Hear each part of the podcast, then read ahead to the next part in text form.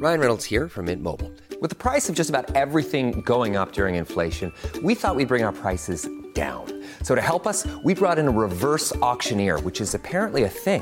Mint Mobile unlimited premium wireless. Have to get 30, 30, bit to get 30, bit to get 20, 20, 20, bit to get 20, 20, bit to get 15, 15, 15, 15 just 15 bucks a month. So, Give it a try at mintmobile.com slash switch. $45 upfront for three months plus taxes and fees. Promo rate for new customers for limited time. Unlimited more than 40 gigabytes per month. Slows. Full terms at mintmobile.com. Cool fact a crocodile can't stick out its tongue. Also, you can get health insurance for a month or just under a year in some states. United Healthcare short term insurance plans, underwritten by Golden Rule Insurance Company, offer flexible, budget friendly coverage for you. Learn more at uh1.com.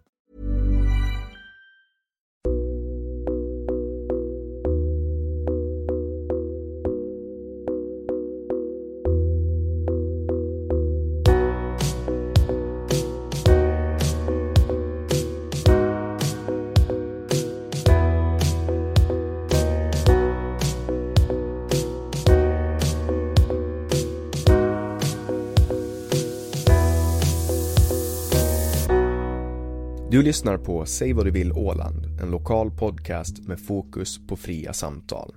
Jag heter Jannik Svensson och producent för podden är Didrik Svan. Vår podd består av mastodontsamtal. Vi vill ha långa samtal eftersom vi då får chansen att verkligen gå in på djupet. Idén är att fokusera på fria samtal. Det här är ingen debatt eller någon form av duell där det finns en vinnare och en förlorare. Det här är ett samtal där vi lägger fördomar åt sidan och där målet är att minska polariseringen. Vi tror att öppenhet är grunden för det demokratiska samtalet och vi vill uppmuntra dig som lyssnare att välja att exponera dig för samtal med någon du inte håller med om, hur triggad du än blir. Det kommer att diskuteras en hel del politik i den här podden och för att du som lyssnare ska slippa tänka på var jag som programledare står politiskt kommer jag att med egna ord redovisa det för er. Jag tror på öppenhet även för min del. Min politiska bias, mina glasögon och min ideologi är frihetlig liberalism och jag är aktivt engagerad i politiken. Jag kommer att göra mitt bästa för att min partiskhet inte ska lysa igenom mitt uppdrag som programledare i den här podden. Men eftersom ingen människa kan vara objektiv så hoppas jag att ni med den här informationen kan åsidosätta mina eventuella brister och misstag. Det här avsnittet presenteras av Webax, hemsidor och innehåll. Jag heter Jannik Svensson och du lyssnar på Säg vad du vill Åland.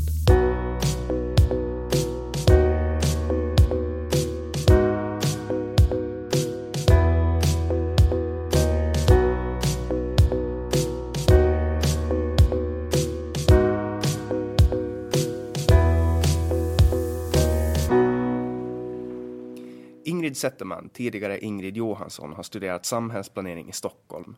Hon jobbade tidigare på MISE före hon 2015 kom in i lagtinget på första försöket.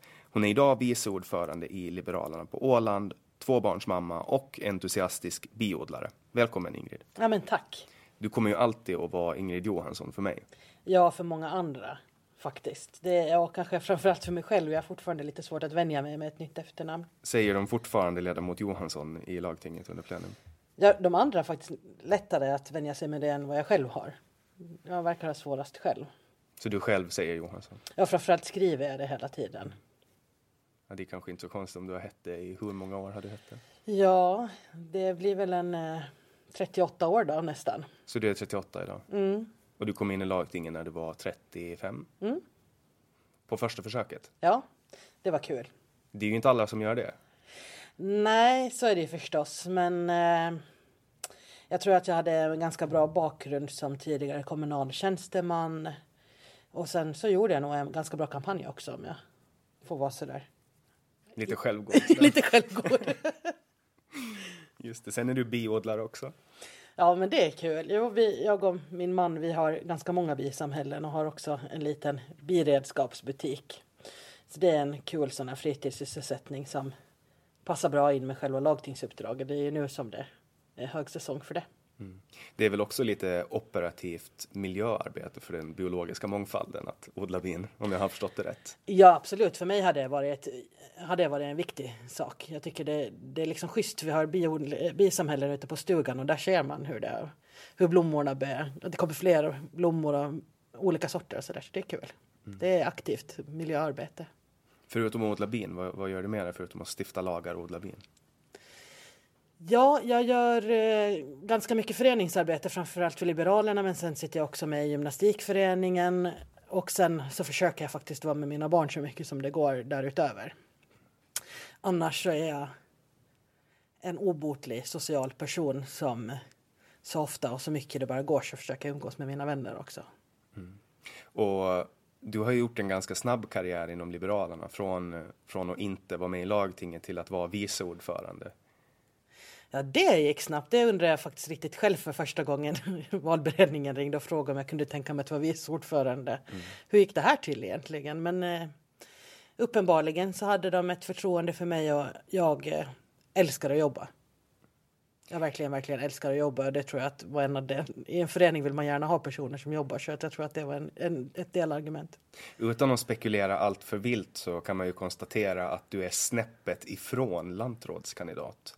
Om man, om man, om man ser om man tittar på att ordförande i det största partiet är lantrådskandidat och du är vice ordförande. Ja, jag tror man kan ta det lite lugnt med de spekulationerna än så länge. Men visst, visst har jag visioner och eh, som sagt, jag gillar verkligen att jobba och är väl lite av en karriärist också så att eh, sitter Liberalerna med i nästa landskapsregering så vill jag väldigt gärna vara minister. Det tänker jag inte sticka under stol med.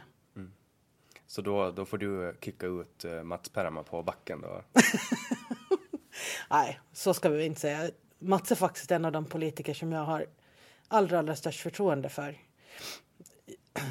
Faktum är att när jag bara kände honom via tidningarna så hade jag... Eh, han var inte min favorit. Inte så att jag liksom tyckte illa om honom, men han var, han var inte heller min favoritpolitiker. Jag kände att vi stod en bit ifrån varandra i flera frågor. Men det är en människa som verkligen har vuxit i mina ögon. Han är en fantastisk politiker och också en väldigt god människa. Mm. Och kollar man på möjligheterna för Liberalerna att hamna i regering så är de väl helt okej okay stora.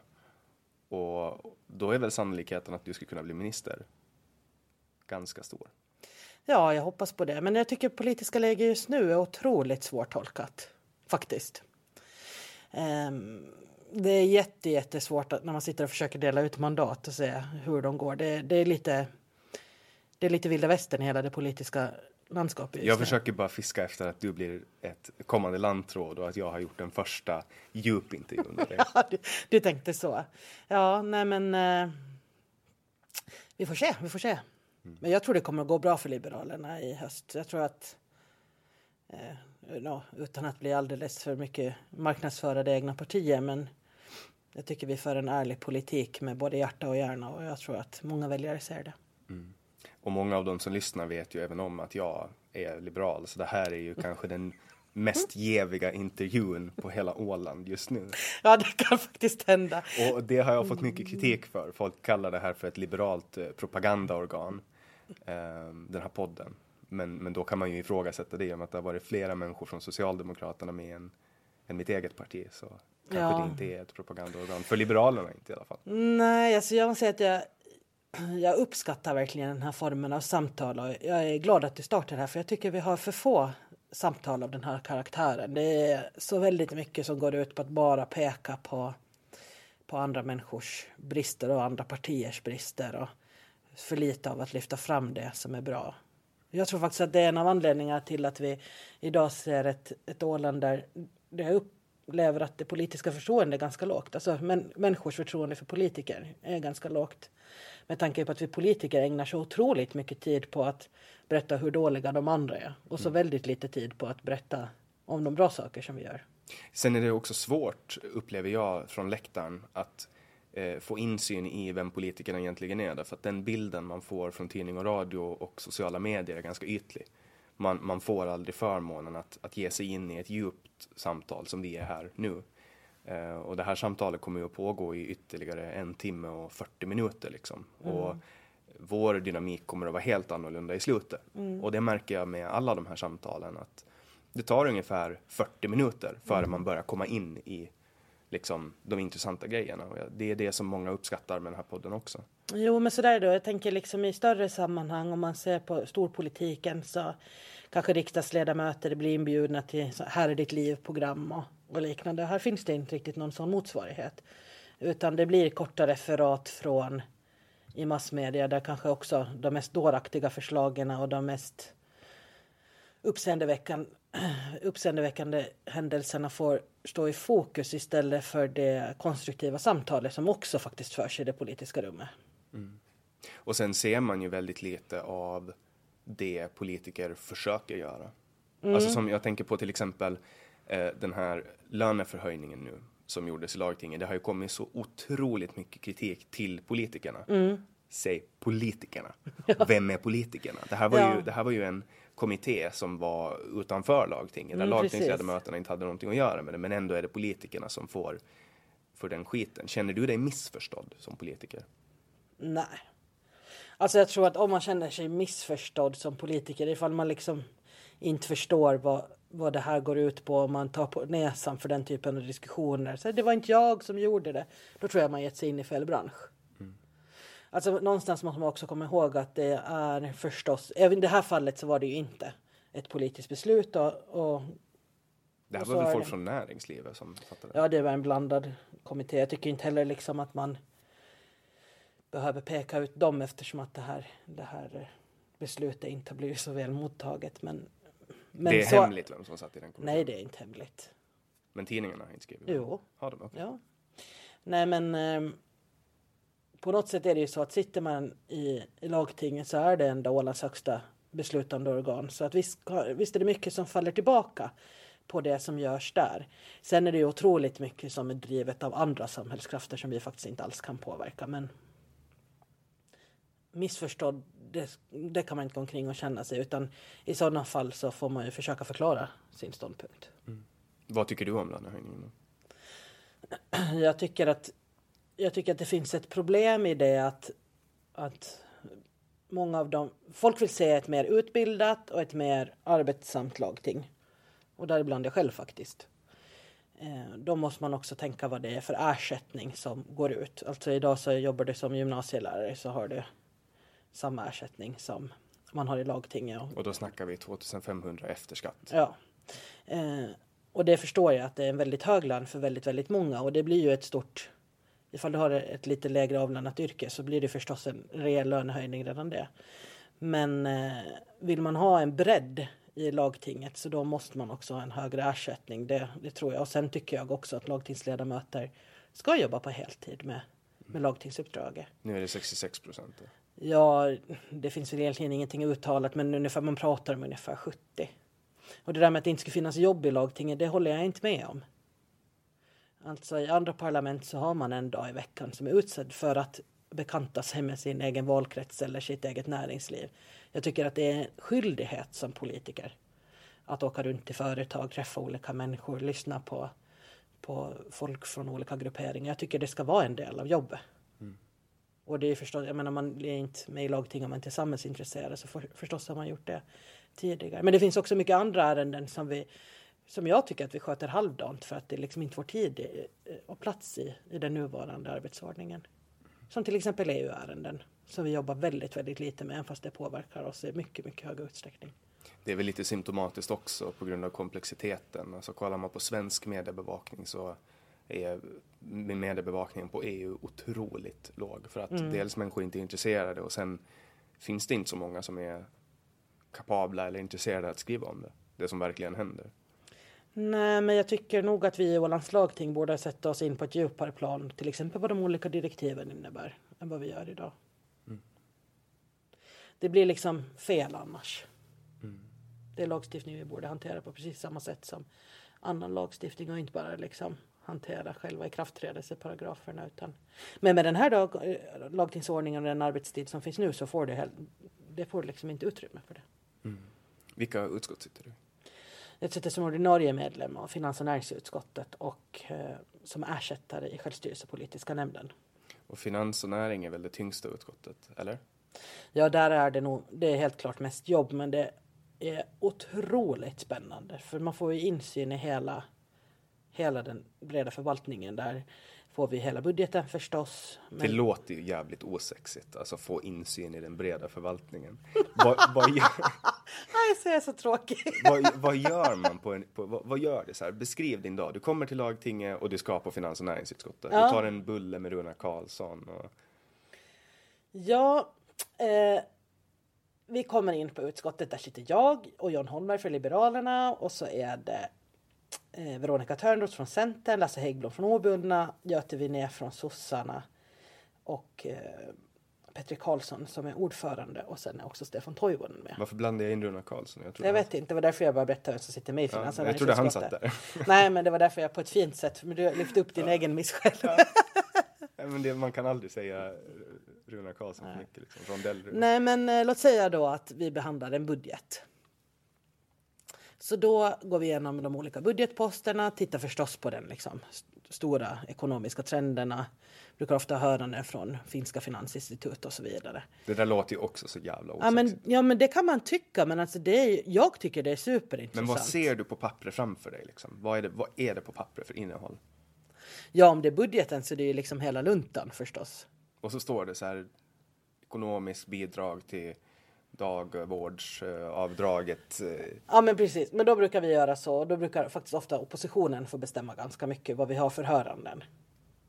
Och då brukar vi bestämma oss för typ två eller tre områden som vi, som vi borrar lite djupare i. Och då kommer vi med, med förslag på hur man kan jobba vidare med de där frågorna. Så ni ska alltså bestämma vilken verksamhet som ska få hur mycket pengar? Eller ni ska föreslå det till lagtinget? Ja, alltså det är, det är ju landskapsregeringen som har tagit fram budgeten och sen så liksom granskar vi den och, och så föreslår vi till, till lagtinget att den ska godkännas med de, de ändringar som vi har gjort. Just det. Det är ju lite mer konkret. Ja.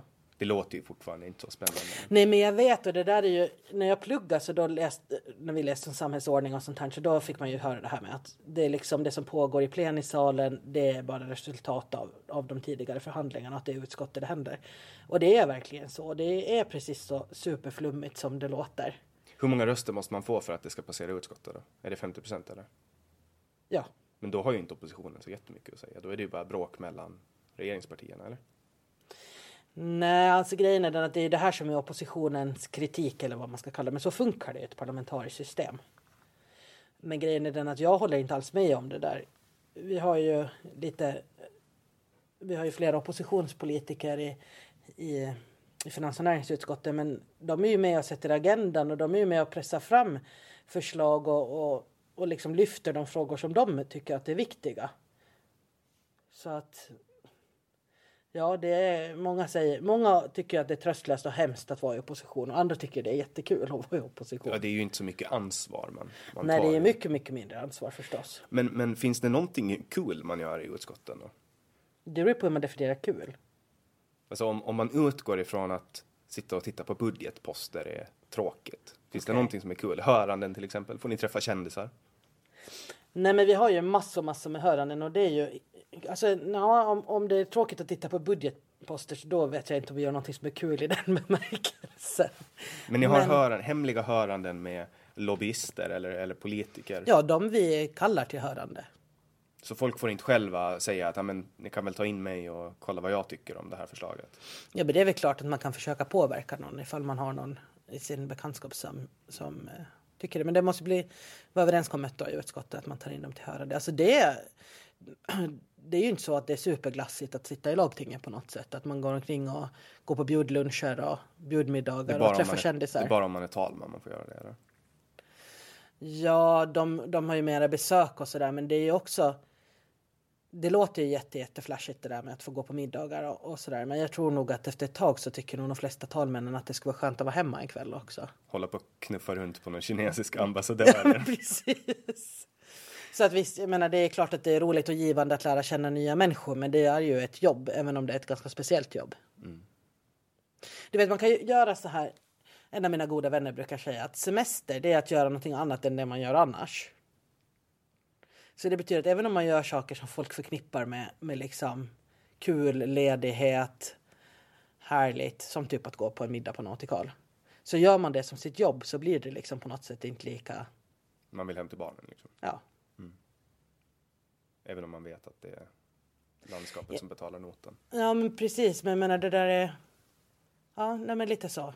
Alltså sen så tror jag det är väldigt, väldigt få som sitter i lagtinget som, in, som, som på något sätt inte brinner för samhällsutvecklingen och som inte älskar att gå på och liksom träffa med nya intressanta människor och lära sig mer. den stora, stora majoriteten gillar ju det förstås. Det är därför man har sökt sig dit och det är därför folk ställer upp val efter val för att man tycker att det är givande och kul. Men det finns ju folk i alla branscher som trivs med sitt jobb. Kommer du att komma in i lagtinget igen då? Ja, det kan man ju inte. Det kan man inte förstås bestämma på förhand på något sätt. Det är lite spännande med det här jobbet att man, det, går, det är väldigt, väldigt svårt att planera sin framtid eftersom att man inte vet om man blir arbetslös om fyra år. Vad gör du om du inte kommer in då?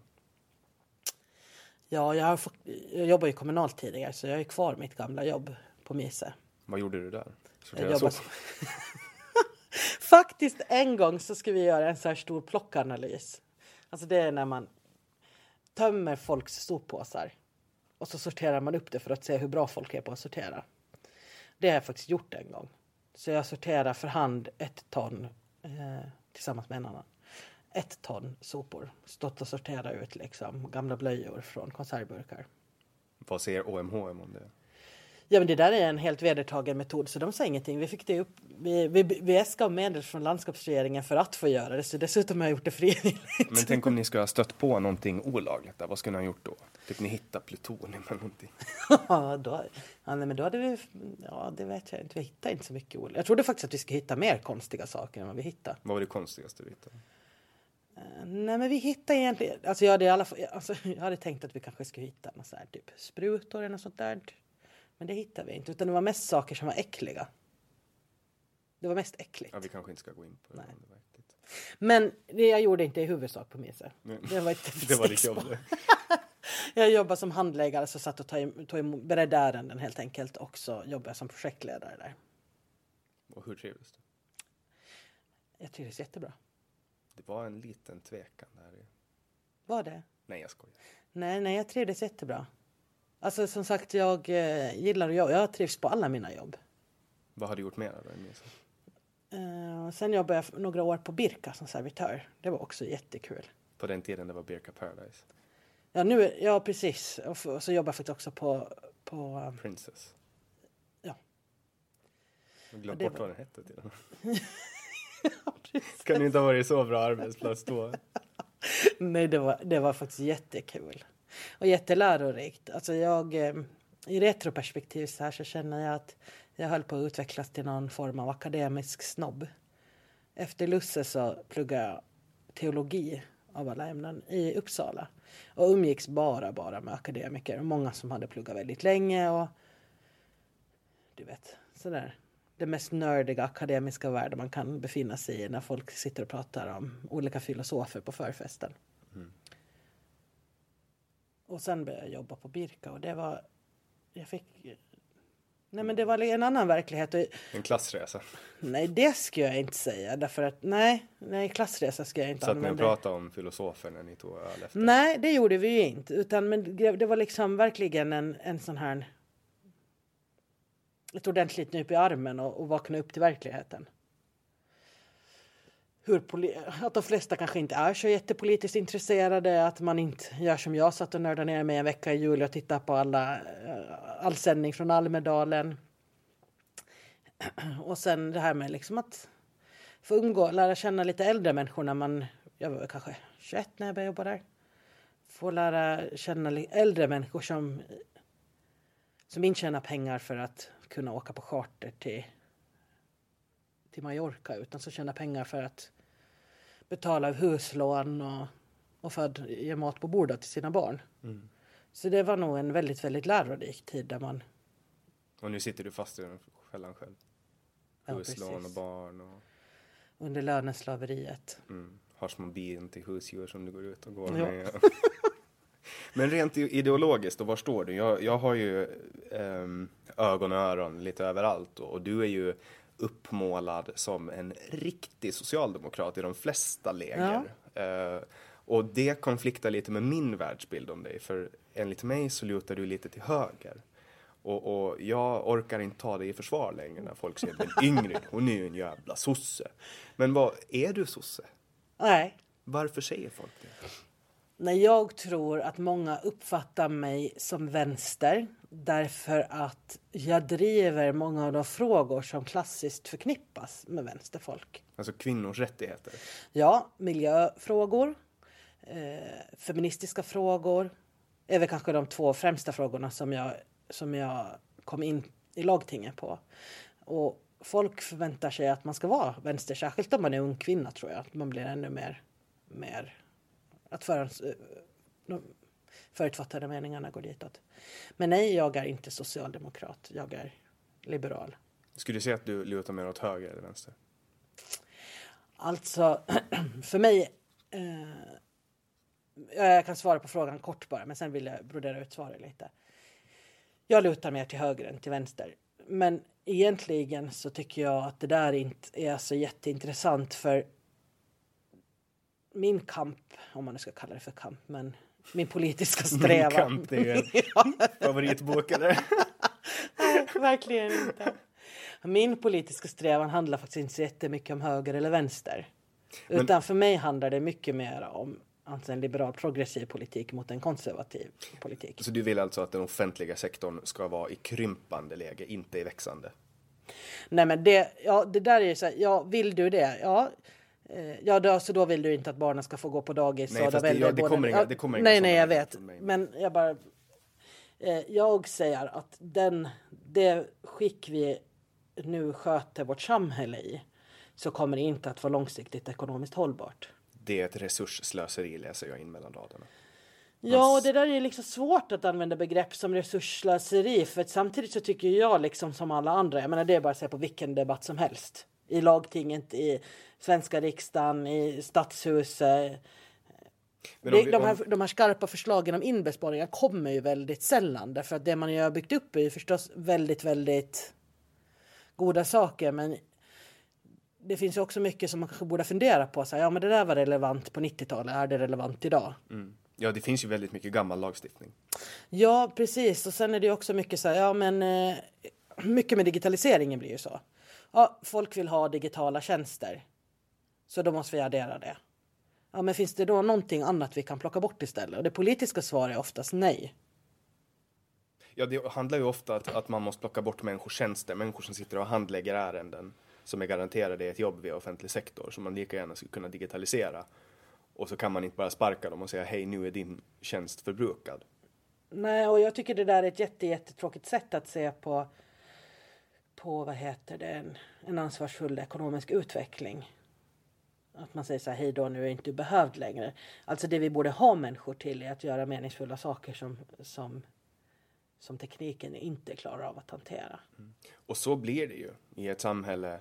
Alltså så har det ju varit alltid. Att så fort man, man, man ett yrke elimineras så skapas ett annat yrke. Inte var det mm. någon som trodde liksom för 30 år sedan eller kunna tänka sig i sin vildaste fantasi mm. Att, att man skulle kunna sitta och jobba med annonsering på Facebook på heltid. Liksom. Nej. Eller Nej men så är det förstås. Men det finns ju liksom annat också. Det, om vi tänker till exempel vården. Många pratar om att fler händer är alltid bättre. Mm. Men behöver det vara så? Om man till exempel säger... Nu tar det är ju flera händer som sprider infektion. Nej, men nu tar jag bara ett minimalt exempel. Det kanske blir banalt i sammanhanget, men det, för eh, äldre personer eller andra, eller andra personer kanske har någon funktionsnedsättning finns det till exempel kameraövervakning. Många som jobbar inom vården och anhöriga brukar ofta liksom reagera instinktivt så här. Åh nej, det där vill inte vi ha. Usch vad hemskt med en kamera istället för en riktig människa. För så är det väl alltid med saken. Ja, men om man då ser det ur klientens perspektiv och det, det här visar sig att vara jättepopulärt hos många människor. Att om du har valet att det kommer in en främmande människa eh, i ditt hem mitt i natten. Eller att du vet en, att en kamera sätts igång tio minuter var tredje timme. Mm. Vilket skulle du själv välja? Alltså för mig är det ganska solklart. Jag, ska jag ska hellre, hellre välja en kamera för den ja, kameran ja, är ju kapabel att, att läsa min värme eller vad som helst. De, de behöver ju inte titta på min, mina privata delar. Liksom. Nej men sen vet man ju också så här, om man vaknar på morgonen och så ja nu, du vet ju att någon har varit in här tre gånger i natt och jag inte vaknar en enda gång så är det ju lite obehagligt. Ja så kan det vara. Det var ju som när mamma väckte en när man var tonåring. Hon väckte en 17 gånger förrän man blev medveten om det. Precis. Och så var man arg när man kom för sent till skolan och ja. sa man mamma varför väckte du mig inte? Och säger hon, men jag väckte dig 17 mm. gånger, din jävla unge. ja, men precis. Så jag tror liksom att man måste våga. Vi måste våga göra saker på lite andra sätt. Men det krävs mod och det krävs samsyn och det krävs också det som jag var inne på tidigt. Alltså går politiken ut på att bara liksom förklara sina motståndare som omänskliga och och du vill inte göra det som är bra för människor och, och så här. Så då, då kommer man inte att nå dit. Det är ju väldigt mycket så i politiken. Det har ju blivit så, alltså de senaste tio åren så har det stagnerat, eller stagnerat, det har stegrat upplever jag. Alltså den här polariseringen, människor slits isär och höger och vänstern eh, går längre ut ifrån varandra. Retoriken blir hårdare. Du har ju också varit i blåsväder. Du sa att eh, du, du skällde ut eh, IFK. Du bor ju precis bredvid. Du kan väl dra den? Det är väl jättekul. Nej, jag skällde faktiskt inte ut någon. Men du skrev en arg sak ja, som vä- gjorde väldigt många människor arga. För du bor precis bredvid mm, VH. jag bor precis bredvid. Och så skulle det vara den här eh, Lega i Warszawa, det här polska huligan, eller laget är väl inte huliganer, men de är, de är ökända för sin huligansvans. Och de skulle komma hit och, och, och spela sin match. och slåss. Ja, och de plockar ju folk från, hela, från Polen längs med hela vägen, så det var ju många som var på väg hit. Och jag tyckte väl kanske inte att säkerhetsarrangemangen var så där jätte, jätte välordnade och det var väldigt lite information till, till, till folk som bodde nära. Polisen gick ut och gjorde några Facebook-inlägg som, där de liksom varnade allmänheten lite och så en timme senare så drog de tillbaks det. Det var liksom lite sådär det kanske inte var helt klockrent heller alltihopa där. Och då skrev jag ett inlägg eh, som handlade om att jag inte tyckte att det var bra att den här matchen spelades på Åland. Alltså att det skapar rädsla i samhället och att, eh, eh, att en sån här match kan man spela någon annanstans. Man behöver inte göra det på Åland som inte har beredskap för den här typen av, av verksamhet. Och det här kan man väl jämföra med att du förde in en nål i en infekterad varböld. Ja, jag vet inte, men men man kan ju väl i alla fall säga på tal om biodling att jag stack in huvudet i ett argsint bisamhälle. Ja, Vad folk hände? blev jätteupprörda. Alltså verkligen, verkligen upprörda. Och jag kan väl så här i efterhand förstå det, för jag vet ju att många, många människor älskar fotboll. Eh, sådär innerligt. Innerligt, innerligt. Och de, tyckte, och de var ju så otroligt glada för att det hade gått så bra för IFK och att de skulle spela den här matchen här. Och jag har verkligen inget, jag blev ju också lite utmålad som fotbollshatare efteråt, vilket jag definitivt inte är. Så jag förstår ju att det var peta på någonting som, var, som låg människor otroligt nära hjärta. Det är oftast då som folk blir arga. Men ja, nej, det var, det var, Och folk pratar fortfarande om det här. folk pratar fortfarande om det här. Hur, hur många interaktioner fick du på, på ditt inlägg? Ja, Jag tror det var nog 7000 eller sånt där. Det är imponerande. Ja, det var ganska mycket faktiskt. Ja, nej, folk var jätte, jätte, jätte, jätte arga. Och nu är du en sossekärring. Och nu är jag sossekärring.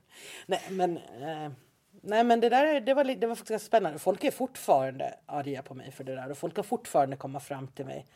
Om man visar nu när man är ute en lördagkväll så kan fortfarande folk komma liksom och, och eh, säga mindre trevliga saker med anledning av det där. Och hur, hur hanterar du det? Ja, jag vet inte om det är så mycket att hantera egentligen. Det är väl bara att tänka så här, ja, så kände den personen och så går man vidare. Men är den här lönen som man får som politiker, är det lite eh, plåster på såren för det hat man får utstå?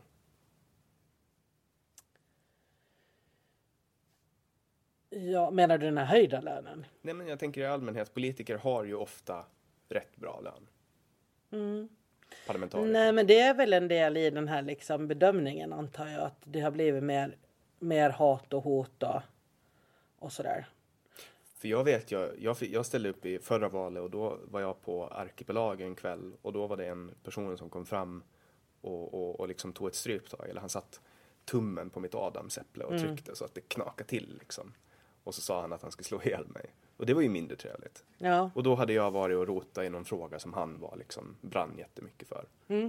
Ja men det är det där när man når, jag tror att det är liksom, det är ganska lätt på förhand att, att känna att nu, nu sticker jag in huvudet i det här eh, eh, argsinta bisamhälle. Och ibland så känner man sig att de här orden måste sägas. Och ibland känner man så här, ja, de här orden kanske måste sägas men det kanske inte bör sägas av mig och inte kanske just nu. Ja, för det är ju, jag, jag upplever det där hatet man får lite som en kalldusch. Jag brukar ofta bli först ledsen och sen arg. och sen på något sätt leker av sig själv. Men det är ju aldrig kul att stå i skottlinjen. Nej, det tycker inte jag heller. Och jag tyckte, jag kände också att det var obehagligt efter den där fotbollshistorien för folk var så otroligt arga. Och det var så många som var så fruktansvärt arga på mig. Men då kände jag det, att det här måste någon säga och någon måste säga det nu. Har du upplevt andra sådana stormar? Nej, inte sådana stormar, utan det är väl mer sådana här små saker. Ibland när man, eh, om man skriver fe- feministiska åsikter på, på Facebook i lite större grupper, då kommer det ganska mycket. Och där, det tycker jag är lite synd personligen. Alltså, jag känner själv att jag liksom, jag har två barn att ta hand om. Jag kan inte sitta och skriva hela kvällarna på Facebook Nej. med alla dessa människor som blir så otroligt upprörda. Och det är också ett klimat på Facebook där liksom svarar du inte på på någons kommentar inom en halvtimme så börjar folk säga hallå, hallå, jag vågar inte svara nu eller så här, men jag nattar barn, kom igen. Det kan jag tycka att det är otroligt trist med det. Alltså jag älskar Facebook och sociala medier men jag tycker det, det är liksom en trist sida hos det mediet. Jag älskar ju de debatterna. Alltså när, när, när det, nu hade blivit, nu är de lite, alltså förut var de roligare. Eh, nu har de ju ofta, nu är det ju så mycket foliehattar. Ja, Om du förstår vad jag menar. Det är så här, du vet ett gäng på 20 pers där alla liksom har en eh, confirmation bias och sitter och liksom stöder varandra och så är det jättesvårt att få dem att komma ut ur sin bubbla och det går liksom inte. Nej, det som stör mig är att folk inte är intresserade av sanningen. Om, sen kan man ju liksom filosofiskt diskutera vad är sanningen i, i typ tusen timmar. Men jag var, just, jag var inne i en tråd nu som hade delat sådana fejkade bilder från en Pride-festival. Ja, det såg jag. Ja. Och så skriver man så här, men det här, de här bilderna här, se, de är, de är fake. Ja, men det spelar ingen roll att de är fake för att eh, jag har ändå rätt. Och det där tycker jag man ser mycket också från sådana här högerpopulistiska medier som delas. Och, Ofta så när jag står på läktaren i såna här debatter så kan jag se att båda har rätt på ett sätt. Men det är inte så svartvitt som folk tror. Nej, men precis. Och det där är ju också lite beroende på vilken typ av politiker man är eller vilken typ av samhällsdebattör man är. I vissa grupper så är det helt okej att man använder halvsanningar. Och man får liksom ingen kritik för det. Utan man, om man säger själv, ja, jag vet att det är en halvsändning men jag tycker det är bra. Det här är ett bra sätt att visa min poäng på. Ja, alltså det, det, den parallell jag kan dra det till är klimatrörelsen nu. Om, om, om man inne i klimatetablissemanget drar en liten rövare så är det ingen som kommer att säga hopp, hopp, nu håller vi oss till sanningen här. Alltså om det är uppåt. Men om det är neråt, att det kanske inte är så hemskt med klimatet, då får man liksom en, en, en koordinerad gruppattack. Liksom. Förstår du vad jag menar? Ja, Och så är det ju med alla, alla grupp, grupperingar, kan man säga. ja men miljöfrågan tycker jag är en av de absolut svåraste att diskutera. Faktiskt. det är ju otroligt, ehm, alltså icke-konkreta saker man pratar om. Eller det är konkret i allra högsta grad, men det är väldigt svår det är väldigt svårt att ta in alla de här sakerna. Det finns väldigt mycket studier, det finns väldigt mycket forskare som säger emot varandra. Eh, och, och, och sen sist och slutligen så handlar det mest om eh, övertygelse.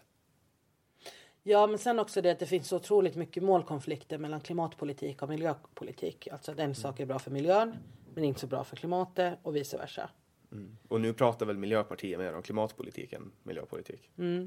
Och, och, och hur, hur liksom särskiljer man? Jag tror att folk, jag hade i många, många, många år jättesvårt att skilja på miljö och klimatpolitik. Jag visste inte skillnaden, jag trodde det var samma sak. Liksom. Ehm, men miljön är väl det som vi he, helt konkret kan påverka här och nu. Och klimat är väl det som är lite mer svårt att påverka. Ja. Man kan väl säga att miljöfrågor handlar ju mycket om, om bio, alltså mångfald bland, eh, bland djur och, och blomsterrike och, och övergödning och Och lu- luftkvalitet och gifter vattenkvalitet. i livsmiljön och så vidare. Medan klimat är ju liksom vädret eller vad man ska kalla det för. Mm. Och där finns det ju otroligt mycket konflikter och, och det, jag menar jag tänker för några år sedan, nu har vi precis, det här tycker jag är roligt. Nu har man ju från eller roligt är det inte, men det, det på något sätt visar problem, problemet. Nu har man ju från svenska regeringen gått ut med att man ska chockhöja skatten för plastpåsar. Så de ska kostar 7 kronor styck eller något sånt där. Mm. Och då samtidigt har man ju faktiskt i flera olika rapporter kommit fram till att vanliga sådana plastkassar är mycket bättre än... Mm, så man använder, om man använder dem som soppåsar så är det bättre än mycket annat. Mm. Men där handlar ju det mycket om Miljöpartiets politik har ju varit signalpolitik. Alltså till exempel elcykelsubventionerna. Man gav en miljard till subvention på elcyklar. Och, och flygskatten. Det är liksom, jag ser det som rena rama signalpolitiken. Mm. Den, den, har ingen, alltså den, den, den försumbar påverkan på det reella klimatet. Och jag tror inte att någon sitter i Kina och bara oj vad de är duktiga i Sverige, kolla på dem liksom. Ja, det, där är ju också svårt därför att man vet ju det, i alla fall min övertygelse är att ska man göra någonting särskilt åt klimatet då måste man få människor med sig. Alltså man måste jobba ganska mycket med, med människors, hur människor beter sig i vardagen. Styra folks beteende? Ja, eller i alla fall försöka liksom på något sätt dirigera det. Vilket man ju liksom alltid har gjort. Jag menar det, vi hade också när jag gick i skolan så hade man sådana här föreläsningar om att man inte skulle duscha så länge och, och att man skulle sortera sopor och sådär. Och då på något sätt så måste man ju ändå få upp ögonen för folk eh, hur man kan påverka sin omgivning. Men ja, det, alltså jag det, tror ju på... det är superknepigt. Därför tror jag på de där stora, stora penseldragen. Jag tror ju på morot snarare än piska. Till exempel sänka skatten på miljövänliga flygningar. Folk som, använder, alltså flyg som använder miljöbränsle eller mm. te teknik. För då skulle man liksom ge en morot till flygbranschen och flygbolagen att investera i miljöteknik istället för att liksom straffa folk för att de flyger. Mm. Eh, jag tror inte på reprimander när det kommer till miljöpolitiken. Jag tror att det är bättre att ge morötter. Det är därför jag ställer mig kritisk till den politiken som Miljöpartiet har gjort. Men sen tycker inte jag att Miljöpartiet är ett vettigt parti. Jag, ty jag tycker inte det. Alltså, kolla på vad de har gjort i Sverige. Nu är jag jättepolitisk. Ja. Så här, jag, har, jag har aldrig varit så här politisk i den här podden. Hur kommer det sig? Vad, vad beror det här på? Jag tror att du glömmer bort att det inte är du och jag som pratar som privatpersoner. Ja, okay. så är det. Ja, vi, jag brukar ju vara ganska öppen när jag pratar. Ja, visst. Eh. För vi har ju en, en privat relation ja. också. Eh, vi lärde känna varandra under förra valet. Mm. Och det var därför jag har dragit mig lite med att ta in dig i podden också. För att det känns som att då kommer folk att bli arga på mig för att jag lyfter fram mina kompisar, eh, partikamrater. Men men samtidigt så har det varit otroligt svårt att få in kvinnor i podden. Ja, men det, och det där är också en sak. Jag menar, man brukar prata mycket om svågerpolitik och, och korruption och sånt här på Åland och vad som för sig går bakom de stängda dörrarna. Men det måste man liksom, om, om man drar en parallell till upphandling som kanske känns lite långsökt så här men alltså i det här lilla samhället tycker jag det, det är förstås jätteviktigt att man inte fördelar till till folk som är nära familj och andra.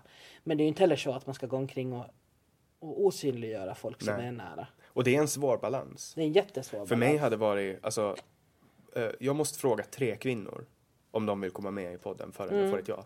Medan män i princip alltid svarar ja. Det är en som har tackat nej. Mm. En man. Och, och, och hur många kvinnor som helst.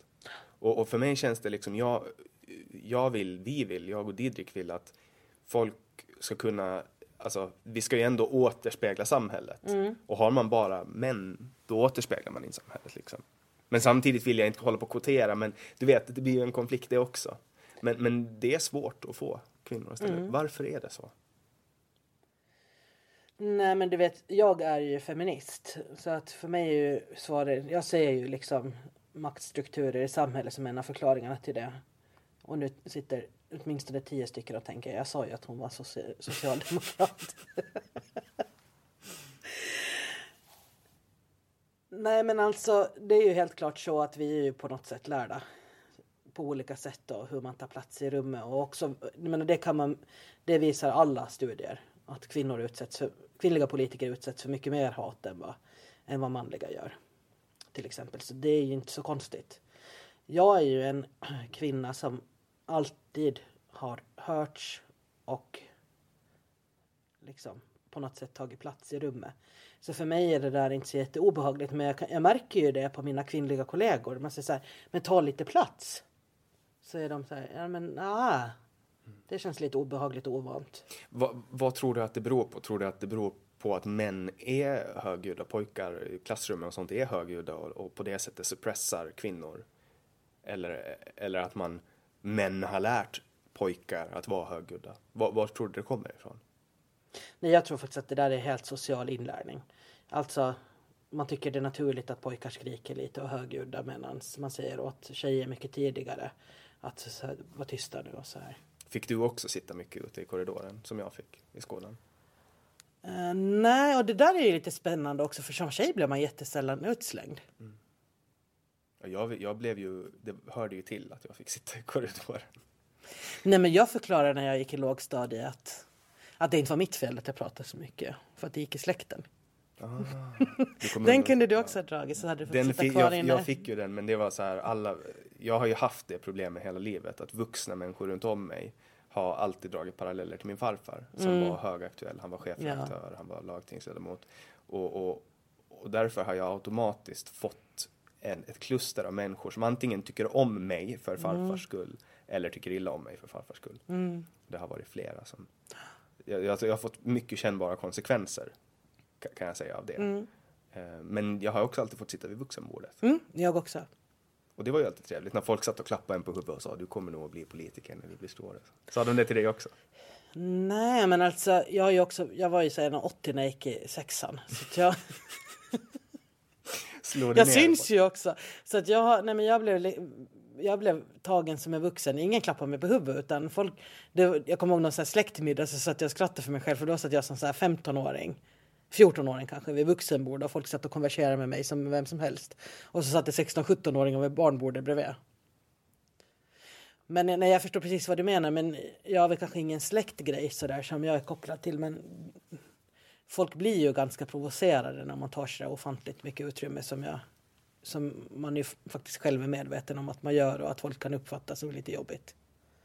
Det är en gul personlighet om man ska göra kopplingar till, Ja men precis. till den här populärkulturen, populärpsykologin som sprider Men jag, jag jobbade ju några år på Birka då efter att jag hade pluggat teologi i Uppsala och sen så började jag plugga samhällsplanering i Stockholm. Och då bestämde jag mig för så här. Det, på hela första veckan så ska ingen veta vem jag är. Och sen satt Hur jag, gick det? så satt jag med För så har jag bestämt mig varje jobb. Jag bestämt mig. Ja, och så, så på, på, satt jag mig ner där och så, så, så här. Ja, fast ja, det ser ut att vara lite dålig fart här. Jag kanske reviderade till tre dagar. Och sen så bestämde jag mig för att ja, men okej. På två dagar. Ingen ska veta vad jag heter. På två dagar. Och efter lunch visste alla vem jag var. Alltså det går liksom inte. Nej, man kan inte suppressa sin personlighet. Det går. Nej, det går. Jag har Det- försökt det varje jobb, alltså exakt den här tanken. Varje gång jag kommer in på en ny arbetsplats. Ja. Men sen lyser personligheten igenom. Men jag tror också att folk stör sig för att de tror att man bara liksom pratar på så här och inte är medveten om vilket, vilket utrymme man tar. Så po politiken finns det flera sådana här som tar väldigt mycket plats. Och man blir ju själv trött på de där människorna. Men jag tror inte att folk som inte är lagda åt det här hållet förstår vilken, hur mycket man liksom kämpar med att vara tyst. Nej, de, de förstår inte. Sen finns det folk som är helt, jag, jag kan också bli sån, för du och jag är väldigt lika personer. Mm. Alltså vi tar mycket plats. Och så, och det är på bekostnad av någon, alltid. Men sen finns det ju människor som vill vara tysta. Ja men och precis. de, jag kan inte förstå dem. För att jag kan också bli lite så här medberoende, du vet. Om jag är till exempel med, jag har en kompis som är, är skittyst av sig. Ja. Och jag kan bli lite så här, att jag vänder mig till honom och bara, men vad tycker du? Du vet så, att jag blir lite, Ja ja men precis. och han vill, där- inte, han vill inte att folk ska titta på honom. Han vill sitta där och hålla käften liksom. Mm. Och sen pratar han när vi är ensamma, men, men bland folk då vill han vara tyst. Liksom. Nej, jag vet, och så är det, där det är folk och jag blir så nervös att, eller nu har jag faktiskt slutat med det, men först trodde jag att alla människor som var tysta vantrivdes. Men det har man ju insett när man har blivit äldre att de faktiskt gillar att vara tysta. Men... Ja, men jag lägger ner ganska mycket energi på att inte alltid säga det som jag för stunden tycker att det är viktigt att säga. Men det kommer med åldern va? Ja, För jag har fortfarande problem med att jag gör det, säger saker. får, får ovänner, du vet. Ja, och sen har det faktiskt kommit en hel del med det här jobbet också. Alltså man vet ju att vissa människor är väldigt insatta och pålästa och har lång erfarenhet av vissa frågor. Så Och att folk inte gillar att sitta på långa möten. Så då, då är jag faktiskt betydligt mycket mer tyst. Är lagtinget ett hönshus? Är det kakafoni? Nej det, nej, det ska jag inte säga på något sätt. Därför att det här är liksom, finns det ju regler för hur folk pratar. Men jag tänker att alltså, politiker brukar ju vara lite galna. Mm, det är där, ja. Är, är det så att folk är lite knäppa? ja, men alltså med, med eh, all kärlek och respekt med det jag säger nu. Så ja, folk är lite knäppa. Har ni sån grov intern humor? Nej, inte på det sättet. Men alltså det är ju på något sätt lite... Alltså det är inte alls för alla som det passar att vara politiker. Det är ju en ganska speciell skara människor. Men tanken är väl ändå att man ska liksom vara en vanlig människa från gatan? Det, det demokratiska systemet, liksom. vem som helst ska kunna komma in och representera. Ja, absolut. Men jag menar, vem som helst ska ju vilja göra det också. Och sen bara för att man liksom råkar vara lite så här då extrovert då, och tycka om att prata lite och, och, och så. Så betyder det ju inte att man har samma erfarenheter av livet. Många är väl extroverta som kommer in? Ja, det ska jag säga. Förutom de som halkar in under röstmagneter liksom. Kan, Ja. jag, jag kan tänka mig att sannolikheten är mindre att om man kommer in på 65 röster Ja. än om man kommer in på 300. Hur många röster hade du? Kanske 196 eller 194 sånt där. Så typ 200. Mm. Det är ett bra röstantal. Jo, det är jättebra. Men jag tror också att det kommer från att de som känner mig dels liksom tycker det är jobbigt med att jag kan tycka stundvis att det är jobbigt att jag tar den här platsen. Men, men å andra sidan så vet de att jag står upp för mina åsikter. Och alltid har gjort det. Men du hade inte bott på Åland så länge efter att ha studerat när du kom in här? Jo, det hade jag gjort. Okej. Jo, Jag jag, hade nog bott flera år. Men, Och, och hur var liksom, alltså syntes du mycket i media och sånt innan du ställde upp? Ja, en del, men nej, inte jättemycket. Det var ju, vi hade liksom ibland några pressgrejer med Misen, men inte så. Hur fick du din valrörelse att funka? Du var mycket digital va? Mm, det var jag. Men nu ska jag säga det här. Innan vi går vidare på det. Alltså jag tror sådana här saker. När vi gick i trean, tror jag det var. Då skulle vi få betyg första gången. Kan det vara så? Det kan säkert stämma. Vilken Mm. skola gick du i? Övernäs. Samma som jag hade. Och då så hade vi en lärare som tyckte att vi alla skulle få kunde förbättras i ett särskilt ämne. För att alla kunde bli bättre. Och det var ju liksom det lägsta betyget. Och då blev vi förstås alla upprörda att ingen liksom skulle få bra eller mycket bra i det där ämnet. Jag kommer inte ihåg exakt hur skalan var men det kunde förbättras för i alla fall det lägsta betyget. Och då ordnade vi en namninsamling och då var det liksom jag som tog den där namnlistan, steg in i högstadiets lärarrum och lämnade över den till läraren så här och sa att så här, vi godkänner inte den här betygssättningen. Och så där har jag varit ända sedan jag var barn och det, jag tror liksom att det är det som på något sätt, även om folk tycker att det är jobbigt att man tar den här platsen och utrymme så uppskattar ju också andra att man gör det där som de själva kanske känner sig obekväma med att göra. Protester, det har man ju anordnat. Vid olika tillfällen. Ja, nej men så att jag har alltid varit, jag skulle, om jag skulle, jag skulle säga att jag tror att folk uppfattar mig som rak och ärlig. Och hur funkar det i lagtingsuppdraget? Jag ser ingen konflikt i det. Får du ovänner i huset? Ja, alltså. Nej, inte ovänner. Det tror jag inte. Men jag blev kallad för, för att vara Ådals nya Margaret Thatcher på mitt tredje anförande i lagting eller någonting. Det var lite kul. Beroende på hur man är lagd så kan man ju antingen gilla eller hata det. Ja, precis. Jag tror inte att det var meningen som en komplimang faktiskt. Okej, Men, men hur kände du då? För hon är ju en ganska stor politiker. Alltså, Ja, jag kände ju att det ju inte var liksom menat så att jag skulle ta det på det sättet. eh, Att, ja, oj, här har vi någon som blir lika stor som Margaret Thatcher var för Storbritannien. Det är, liksom inte, det är ju inte så att jag tror att den kommentaren, men nej, men jag tror att det där också är, är man van tar man, det vet ju du också som har tagit mycket plats, alltså man får ju skit. Och ofta är det bakom ryggen. Det är ju väldigt sällan folk kommer fram och konfronterar en. Det mesta sker ju bakom ryggen, illasinnade rykten, elaka saker som ibland kommer fram. Och då Ja, man- det där är ju jobbigt också tänker jag. Jag kommer ihåg på en av mina tidiga arbetsplatser så, så var det en kollega som tyckte det var jobbigt att jobba med mig för att jag alltid var så rak att jag kom fram och sa så här, "Ja, men jag gillar inte när du gör så här. Att kan vi inte jobba så här istället? Och så sa den där personen till mig att ja, men jag gillar inte det där. Då blev jag också irriterad. Så här, men jag gillar inte när du pratar skit bakom ryggen. Kan vi, det är liksom inte bättre att vi pratar så här. Så att det blir ju liksom en hel del konflikter med att vara, vara ganska öppen. Och, och det har väl både sina fördelar och nackdelar. För jag kan tänka mig att introverta personer, nu har inte jag någon form av, jag kan inte se deras problem, men jag antar att de har något form av problem. Problem med vad då? Nej men du vet som eh, vi extroverta har problem med att folk pratar bakom vår rygg. Medan de kanske har något annat problem som inte vi kan sätta oss in i för att vi kan inte förstå deras perspektiv. För att jag ser det ofta, jag har ett aktiebolag tillsammans med en, en kille som heter Samuel. Och vi är liksom på personlighetsskalan så långt ifrån varandra vi bara kan, kan vara. Och, och jag, kan, jag kan inte, hur mycket jag än försöker, alltså jag måste anstränga mig om jag ska se hans perspektiv. Hans perspektiv är ofta alltså, otroligt givande för mig. Eh, men vi, när vi ser ett, ett hinder så ser vi helt olika dimensioner.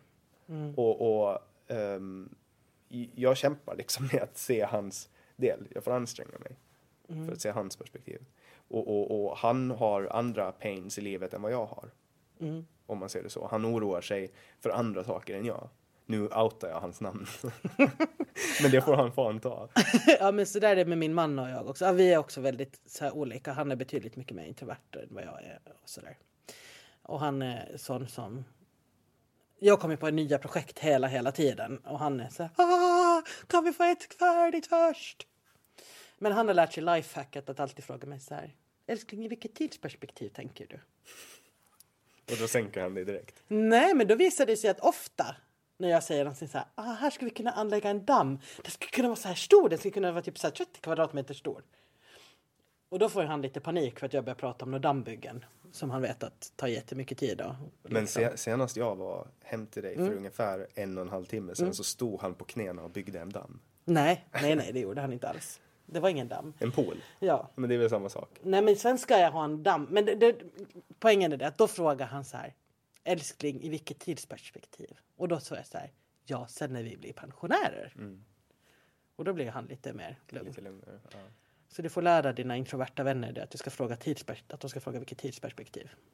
Jag har ju också den här grejen med att jag tror att eh, en idé på hundra är bra. Men att de där 99 andra idéerna måste komma ut och bli sågade. Om du förstår vad jag menar. Man måste spy upp dem och sen få dem sågade och sen kommer det en bra. Ja, ja, så är det. Som, som den här podden till exempel, det var en idé av 99 dåliga. Och sen helt plötsligt kommer det en och så känner man att men det här kan man verkställa. Och så verkställer man det och så blir det ungefär som att, för, och jag tror också att man känner, jag känner i alla fall att det här är en bra idé liksom. Att nu kommer det en bra idé. Och det, är väl, det är väl det som kanske är vår roll i samhället, att gå runt och ha idéer. Och kanske inte, jäm- alltså, för att jag är också sån, att jag har, jag, jag vet inte hur många projekt jag har dragit igång. Och hur många som har levt en liten stund och några som aldrig har kommit. Alltså, men många jävla projekt alltså. Ja. Jo, men det, det är rätt svettigt att vara kreativ mellan varven. Mm, det är det. Ja, speciellt när man måste slutföra allting. Jag, jag vet inte hur många saker som jag har som jag borde slutföra som jag liksom inte slutför. Men jag har en väldigt annorlunda arbetspersonlighet mot min privata personlighet. Hur, hur många löften har du lyckats driva igenom av, det som du vill få gjort? I? För jag kan tänka mig att det är lätt i en valrörelse att säga det här ska vi göra, det här ska vi göra. Sen står man där och säger man en av 30. Ja, och det där är jätte, jättesvårt att mäta. Det blir på något sätt vid slutet av mandatperioden. Och på något sätt så, så funderar man ju lite på så, ja, men okej, var jag så bra som jag tänkte att jag skulle vara och så här. Och det är liksom otroligt svårt att mäta ens egen prestation i det, i det politiska. Och ofta handlar det ju om det, att man på möte efter möte har suttit i samma konstellation och sagt att vi måste få upp den här frågan på bordet. Och sen kommer den liksom och då står det inte att Ingrid Zetterman föreslog. Utan då, då kommer den ju från förvaltningen. Så att det handlar om att lyfta olika perspektiv. Men på OHS tycker jag att jag jag sitter där som vice ordförande. Där tycker jag att det är vissa sådana där...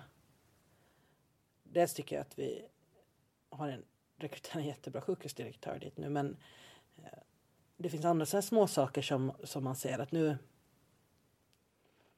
vi har till exempel, när vi tillsätter tjänster nu så tillsätter vi hundraprocentiga tjänster i regel istället för förut så var det, det många, många deltidstjänster som tillsattes. Mm.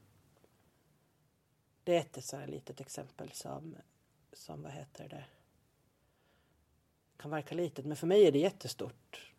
Du har gjort ett avtryck liksom? Ja, det där handlar liksom om det som är på riktigt. Jag har sagt, jag vet inte hur många gånger jag har sagt det att utan egna pengar så är man inte fri och ha en vårdsektor där man bara erbjuder deltidstjänster till den i huvudsak kvinnliga personalen. Då bygger man inte ett, ett sådant samhälle där människor har egna pengar och därför är fria.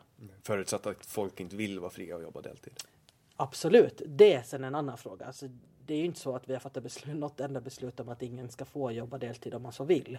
Men alltså rätten till heltid tycker jag att det en viktig fråga. Mm. Just av den anledningen att man ska kunna tjäna själv sina egna pengar. Det är en sak som faktiskt oroar mig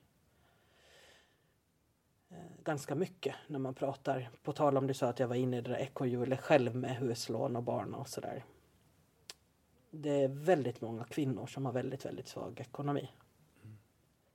Som är hemma på hemvårdsstöd länge och som jobbar deltid i många, många år. Som får otroligt stor effekt på deras privatekonomi. Beror det på hur samhället är uppbyggt eller att kvinnor fattar sådana beslut? Att de väljer att gå på deltid, att de väljer att jobba inom yrken som är sämre avlönade? Jag tror att svaret ligger i bägge två. Alltså samhället är uppbyggt så och kvinnor vill göra så. Men vad som är hönan och ägget kan man ju diskutera. Mm. De har gjort ganska stora studier i Sverige på det där med, med föräldraledigheter där det visar sig att oavsett hur man tjänar inom... Det är vanligt att man säger men min man tjänar mera, därför måste han jobba mera. Mm. Men det har också visat sig att när, när kvinnan tjänar mera så säger man ja men min man måste få möjlighet att jobba upp sin karriär så att därför kan inte han vara hemma. Alltså det finns alltid en anledning till att kvinnan är den som ska vara hemma. Mm. Och jag förstår att man vill vara det.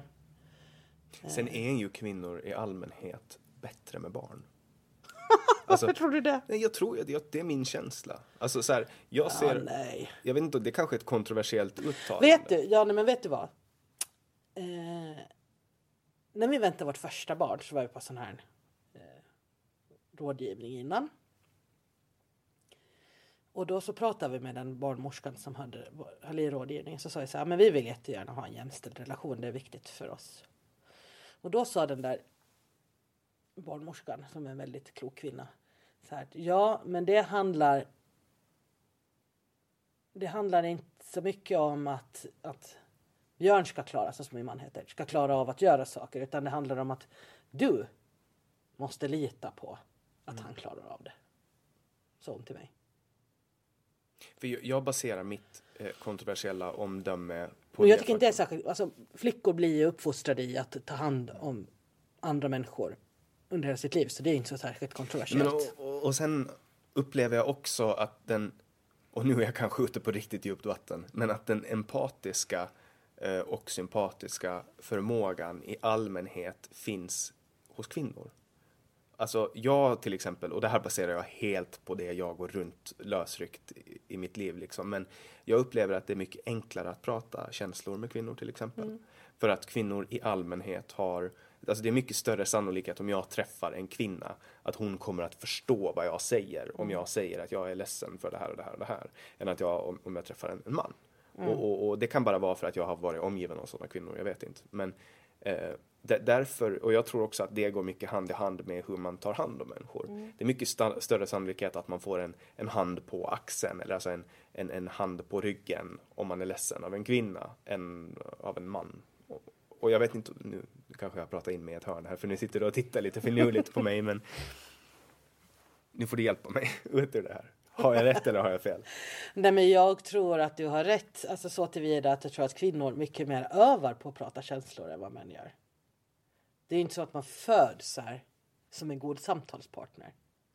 Nej, man Utan man övar ju på det. Och det har väl också med det här liksom förutfattade eh, uppfattningar om, om kvinnor och män. Och att man säger åt pojkar så här, ja ja, nej men upp nu bara gosselilla. Det är ett litet slag är inte hela världen. Medan man pratar på andra sätt till flickor. För jag märker ju att jag har vissa saker genetiskt inprogrammerade i mitt DNA. Till exempel som förra veckan. Nej men det här är sant, det här är ganska häftigt. Jag, jag hade min eh, ett och ett halvt åriga eh, brorsdotter.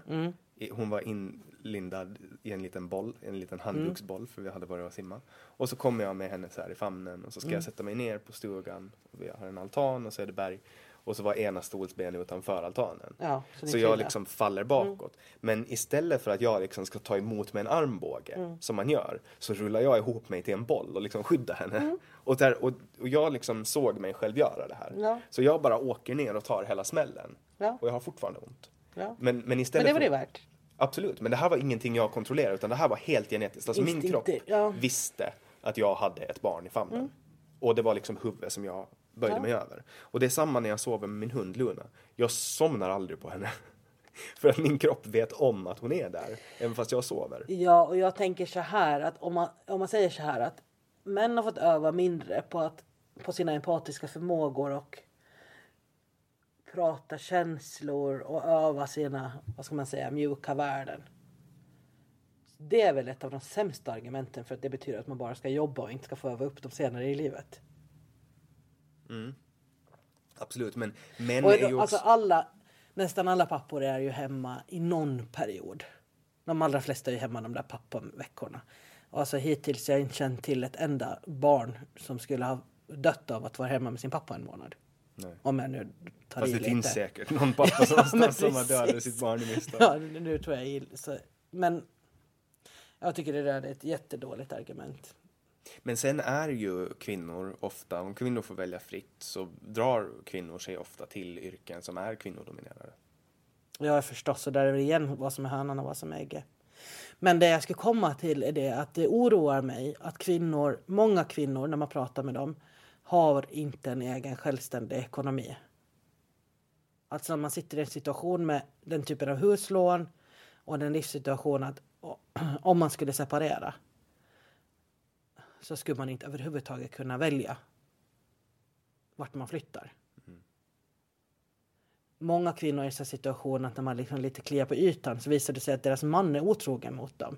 Så skulle de inte ha råd att skilja sig. Och det tycker jag, det är liksom, är det så att man vill leva kvar med en man för att man eh, förlåter honom för att han har varit otrogen, men det är helt fine. Men jag tycker det är sorgligt ifall man fortsätter vara tillsammans med en man för att man inte har råd att gå isär. Ja, det är sorgligt. Och jag upplever att det är rätt många kvinnor som har det så. Kan det, inte sen- vara, kan det inte vara tvärtom också, att män har så? Att kvinnan är otrogen? Och... Ja, förstås. Jag menar på individnivå så finns det ju hur många variationer som helst.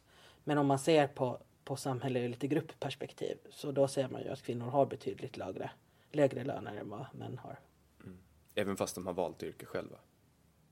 Nu utmanar jag dig lite, jag gör inte för att Ja, men hur menar du, även fast man har valt yrke själv? Som om, om en kvinna väljer sjuksköterska Mm. istället för att välja ehm, civilingenjör.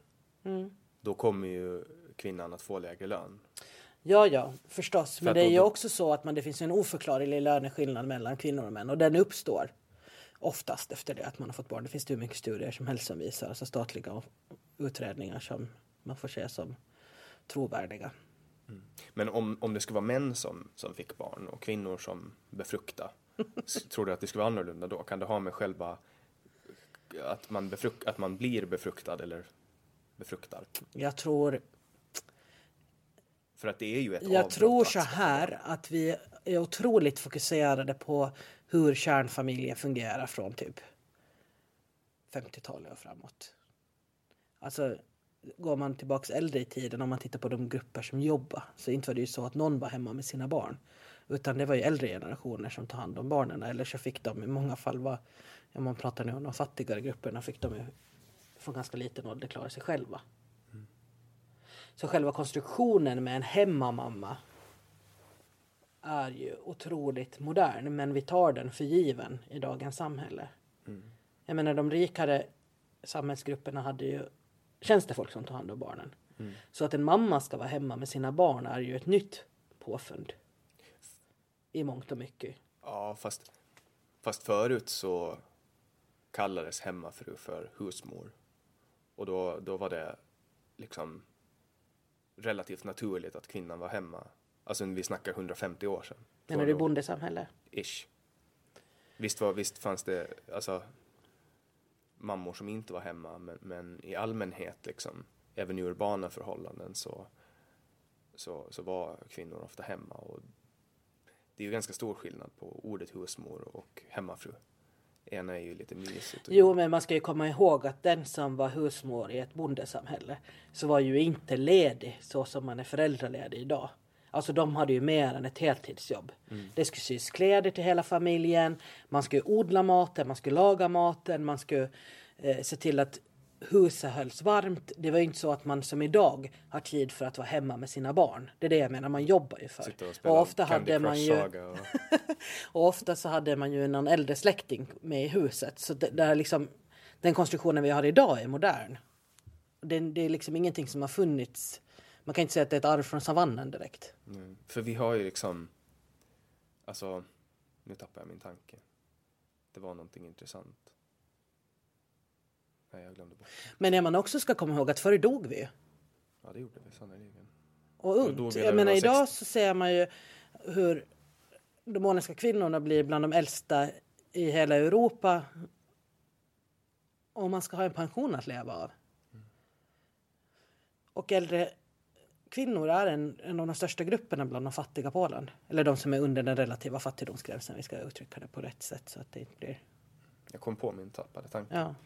Det finns två regioner. Ena i Italien och andra i, jag tror det är Spanien kanske. Mm. Jag kan ljuga. Men där medelåldern är mycket högre. Och där har man visat Medelåldern i samhället är medelåldern i... medelåldern i samhället i Ja. övrigt. Alltså att alla i det samhället lever längre. Och där har man kollat liksom på vilka faktorer det är som, eh, som spelar in. Och det man kom fram till är att det är en kombination av sättet man bor på. Att flera generationer under ett tak. Man dricker måttligt, kanske lite ett glas vin om dagen till maten. Man har en medelhavskost och man men, men mycket handlar om den sociala samvaron. Ja. För det finns även platser där man har liknande kost och, och, och så. Men, men just det här att man bor flera generationer. Att när man bor flera generationer under ett tak så skapar man en dynamik. Att kanske mormor tar hand om små barnen medan mamma gör någonting annat och pappa gör det liksom. Och eh, nu har ju samhället egentligen sedan 40-talet och framåt bara liksom kastat ut, alltså så här, gått mot att nu har du en egen, nu ska du ut och skapa en egen familj, liksom Ja. ett singelhushåll. Och, och kanske det är det som gör att Alltså, människor mår ju inte bra idag. Människor mår inte bra. Håller du med mig? Det var ett påstående. Jag vill bara att du ska säga nej, det är sant. Människor mår inte bra. Och så går vi in på det här med psykisk ohälsa. Som vi båda brinner väldigt mycket för. Ja, nej men så kan man väl konstatera att människor inte mår bra idag. Det kan vi väl konstatera. Vad beror det på? Är det för att vi har så jävla mycket tid att tänka på allt som är jävligt? Jag tror faktiskt att det är en del förklaring och inte med det liksom att förringa en enskild individs eh, svåra ångest på något sätt. Men jo, jag tror att det är, och det är jag inte direkt ensam om att tro att det är någon form av välfärdsproblematik i det också. Vi har för lite tid att jaga mat. Och vi har all mat framför oss. Vi har för mycket mat. Ja, del, dels det men också det att vi har väldigt mycket tid på att känna efter. Mycket, Och det där är en sak, du sa att jag brinner för psykisk ohälsa och jo, Eller det kan man ju inte säga att man gör, man brinner inte för psykisk Nej, ohälsa. precis. Mm. Det är ju hemskt. Men alltså du vet vad jag menar, att du, brin, du brinner för hälsa. Ja, och där kan man väl säga det när det gäller, när det gäller den psykiska välbefinnande. Och, och det här kanske kan uppfattas som, på tal, du sa att kvinnor är så sympatiska och empatiska. Det här kanske kan uppfattas som oempatiskt. Men jag ser en viss problematik i det att människor som faktiskt har psykiatriska diagnoser som är i behov av specialistsjukvård, täta besök, ganska mycket hjälp och stöd precis som en någon som har en svår diabetes eller någon annan eh, fysisk åkomma. Idag, i alla fall tycker jag den politiska sfären blandas ihop med med vad heter det de här som, in, som mår dåligt. Som är ganska långt ifrån en psykisk diagnos. Och det där, det där ogillar jag lite. För att vi ska politiskt aldrig tänka så här att Kalle har ont i ryggen. Därför så ska han ha rätt till samma vård som, som eh, Pelle som sitter med kronisk smärta i rullstol. Och jag tycker vi är lite på väg in dit, i alla fall i den politiska diskussionen när det gäller psykisk ohälsa. Det finns ju olika grader i helvetet liksom. Ja, det finns det. Och jag tycker att det kanske... Vi ska absolut satsa förebyggande, men vi vet ju vad det är som funkar förebyggande, eller hur? Det är samma sak som funkar förebyggande mot demens, mot diabetes, Kost mot och motion. kost och motion. Ja. Precis. Det tråkigaste som finns på hela jorden. Ja. Äta vettigt och gå ut och springa. Ja. Ehm, Det är ju ganska enkla lösningar på stora problem. Precis. Men frågar man en läkare då pratar ju de om, då mumlar ju de att åh, signalsubstanser och dopaminupptagning. och Alltså, jag menar, är det så då att du har en psykiatrisk diagnos så är det såklart så att du mår bättre om du rör på dig och äter bra. Men det kommer ju inte att räcka. Det kommer ganska långt ifrån att räcka. jag, ser, jag ser det här lite med, med egen erfarenhet av psykisk ohälsa och ångest och depressioner och allt som kommer med det. Så ser jag det lite som, och det här hörde jag av en vis man, det här är absolut ingenting jag har kommit på själv. Ehm, men han, han sa att det är lite som att borsta tänderna. Man orkar inte alltid göra det. Nej. Men aldrig när man har borstat tänderna så känns det som att man inte borde ha gjort det. Utan det är ju skönare och så går man runt och så har man en Ja. smak av mentol i munnen. Och det var jobbigt. Jag ser lite samma som att gå ut och springa. Det är så här, man vill nästan aldrig göra det. Eller gå och motionera eller spela badminton eller whatever. Eh, eller det är ju kul och så, men springa är en bra grej. För att då, men efteråt känns det alltid bra. Och det är samma när man ska, man ska välja. Ska jag äta den här otroligt onyttiga måltiden som ser otroligt tilltalande ut eller ska jag ta en lätt caesarsallad? Lätt caesarsallad, det är kanske det mest ohälsosamma salladen. Jag är beroende på vad man, bero- bero- men nu snackar vi alltså lite, Ja, lite kyckling och lite, nå- något salladsblad. Precis. Du skippar majonnäs, majonnäsdressingen och Men, parmesanen. men jag tror ju inte... och krutongen, det blev inte mycket kvar Nej men jag, jag skulle ju aldrig skippa majonnäsen för att jag tror inte att fett är farligt. Nej, precis. det är enligt mig en konspirationsteori och det kan vi prata hur länge som helst om. Men jag tror inte att fett är farligt i och med att jag baserar min diet på fett. Jag äter bara fett. Du vet jag kan ta en sked smör Mm. till, till, till mellanmål liksom. Jag har en kusin du ska få träffa någon gång som är som du. Men jag är, Nej men så där är det. Och jag, så är det ju också. Alltså du kan säga åt en, åt en eh, 14-åring med ångest. Lite lätt ångestpåslag sådär. Kan du säga åt så här. Nu ska vi fara ut och springa. Och så säger den här 14-åringen nej det ska vi inte alls. Jag orkar inte, jag vill inte, jag har ångest. Men liksom på något sätt så går det att övertala den personen till det. Men den människan som har mött en depressiv person som ligger i fosterställning. Det är ju inte så att du kan säga åt den människan att gå ut och springa. Nej, jag hade ju, när jag var 14 så, så låg jag och hyperventilerade i kudden tills jag svimmade. För Mm. att slippa liksom. Men då hade jag sådana tunga panikångestattacker. Så att, Mm. Men jag, folk sa ju till mig så här. Jo men det är bara en period, vet, det går över. Mm. Men så var det ju inte. Nej. Men jag det, hade, ju, jag hade ju riktiga, ordentliga problem. Liksom. nej. Så när det är psykisk ohälsa så visst, vi ska fortsätta satsa på det förebyggande arbetet och det ska vi göra på jättemånga olika plan. Men jag tror att vi behöver fundera på hur vi ska hantera eh, de som vi kan, alltså de kliniskt sjuka helt enkelt. Det är ju så jävla svårt att komma ihåg. För jag kommer ihåg liksom, jag hade ju, jag, jag ville ju inte vara med på gymnastiken så jag förklarade krig mot Henrik Boström. och, och undvek gymnastiken och sen hetsåt jag när jag kom hem liksom. För, för att dämpa ångesten. Och, och jag tror att det fanns väldigt många insatser som gjordes på mig när jag gick i skolan. Eh, men att det var svårt att komma åt mig liksom. Det var jäkligt svårt för dem att komma åt mig. Det är svårt att komma åt ungdomar. Ja. Jag vet inte. Du är några år yngre än mig förstås. Men jag tycker ju nog att skolan var oerhört blind.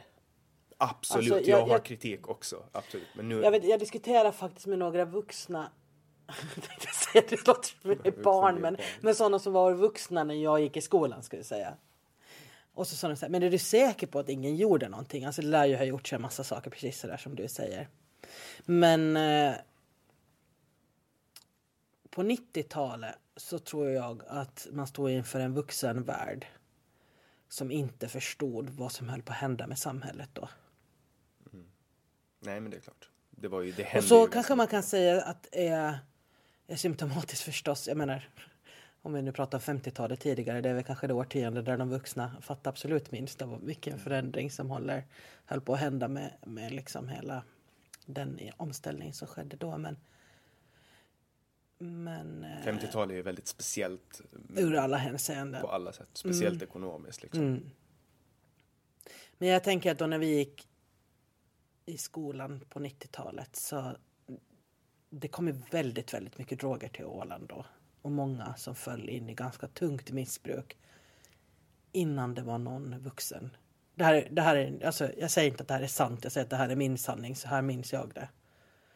Innan någon vuxen ens liksom förstod att folk gick på droger. Man visste ju väldigt lite. Alltså det man visste om droger på 90-talet var ju det man fick genom officiella kanaler.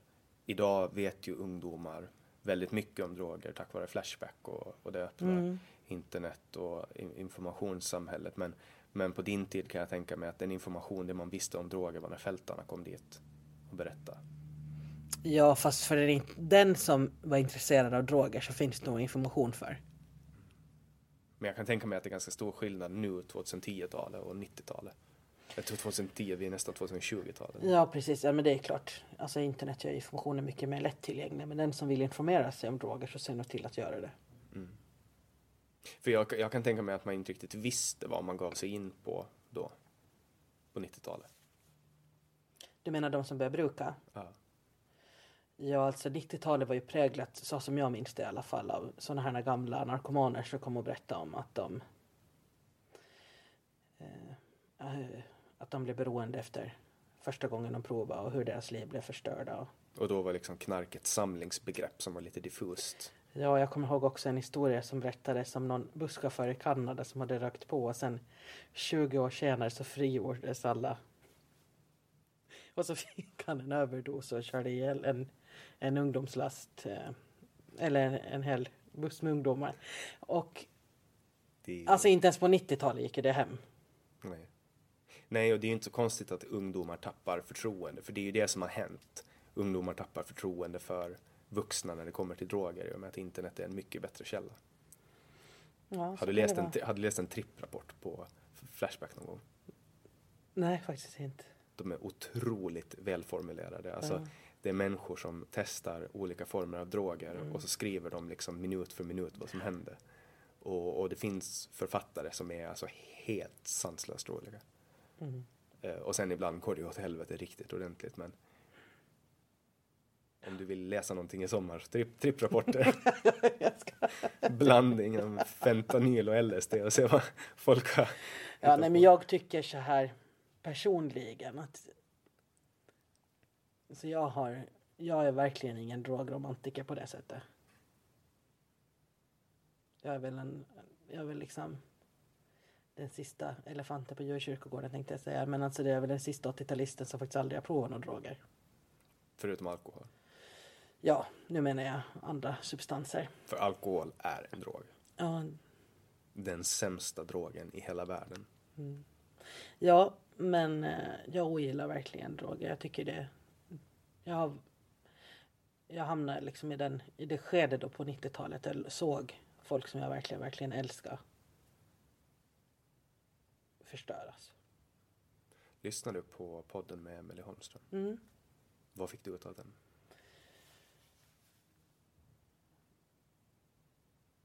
Ja, jag... ehm, jag tycker att hon sätter fingret på väldigt, väldigt mycket viktiga saker även om jag kanske inte håller med om allt. Men det jag verkligen håller med om det är ju själva frågan kring stigma och det att man bara för att man är missbrukare så ska man inte ha någon delaktighet i vården och att man blir omyndigförklarad. Den delen eh, tycker jag att det är inhuman och faktiskt ganska fruktansvärd. För det var ju ett väldigt populärt avsnitt. Det är det mest Ja. populära avsnittet, samtalet vi har gjort. Mm. Vad tror du att det beror på? Nej men därför att det finns ju så otroligt mycket känslor kring droger. Alltså dels finns det ju liksom de här som ropar högre och hårdare straff och sen så finns det eh, till liksom legaliseringsspåret. Och, och hos alla de här så finns det ju otroligt mycket, mycket känslor kring det. Och vi behöver väl också vara i ett samhälle där alla känner någon missbruk av någon anledning så tycker jag folk, och kanske faktiskt jag också, att det är värre att man har en eh, anhörig, en kompis eller någon man känner som faller in i drogmissbruk än alkoholmissbruk. Jag kan tycka tvärtom.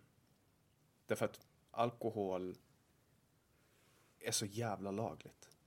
Så att Ja, det är väl därför som folk tycker att... Och det är väl det också att man liksom blir en olaglig person på något sätt när man faller in i drogmissbruk. Det är väl en del i det.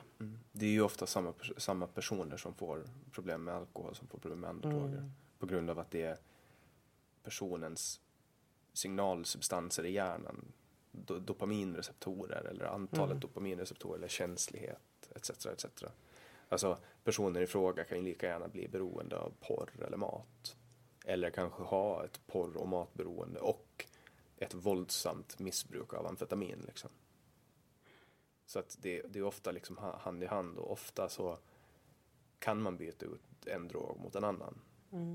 Att det här är ju ändå en statisk procent av befolkningen som blir missbrukare och när man pratar narkotika och narkotikapolitik så pratar man alltid om missbrukare men aldrig om de 80, cirka 80 procent som faktiskt klarar av att ta en lina kokain och gå ut och dansa. För att det är ganska många.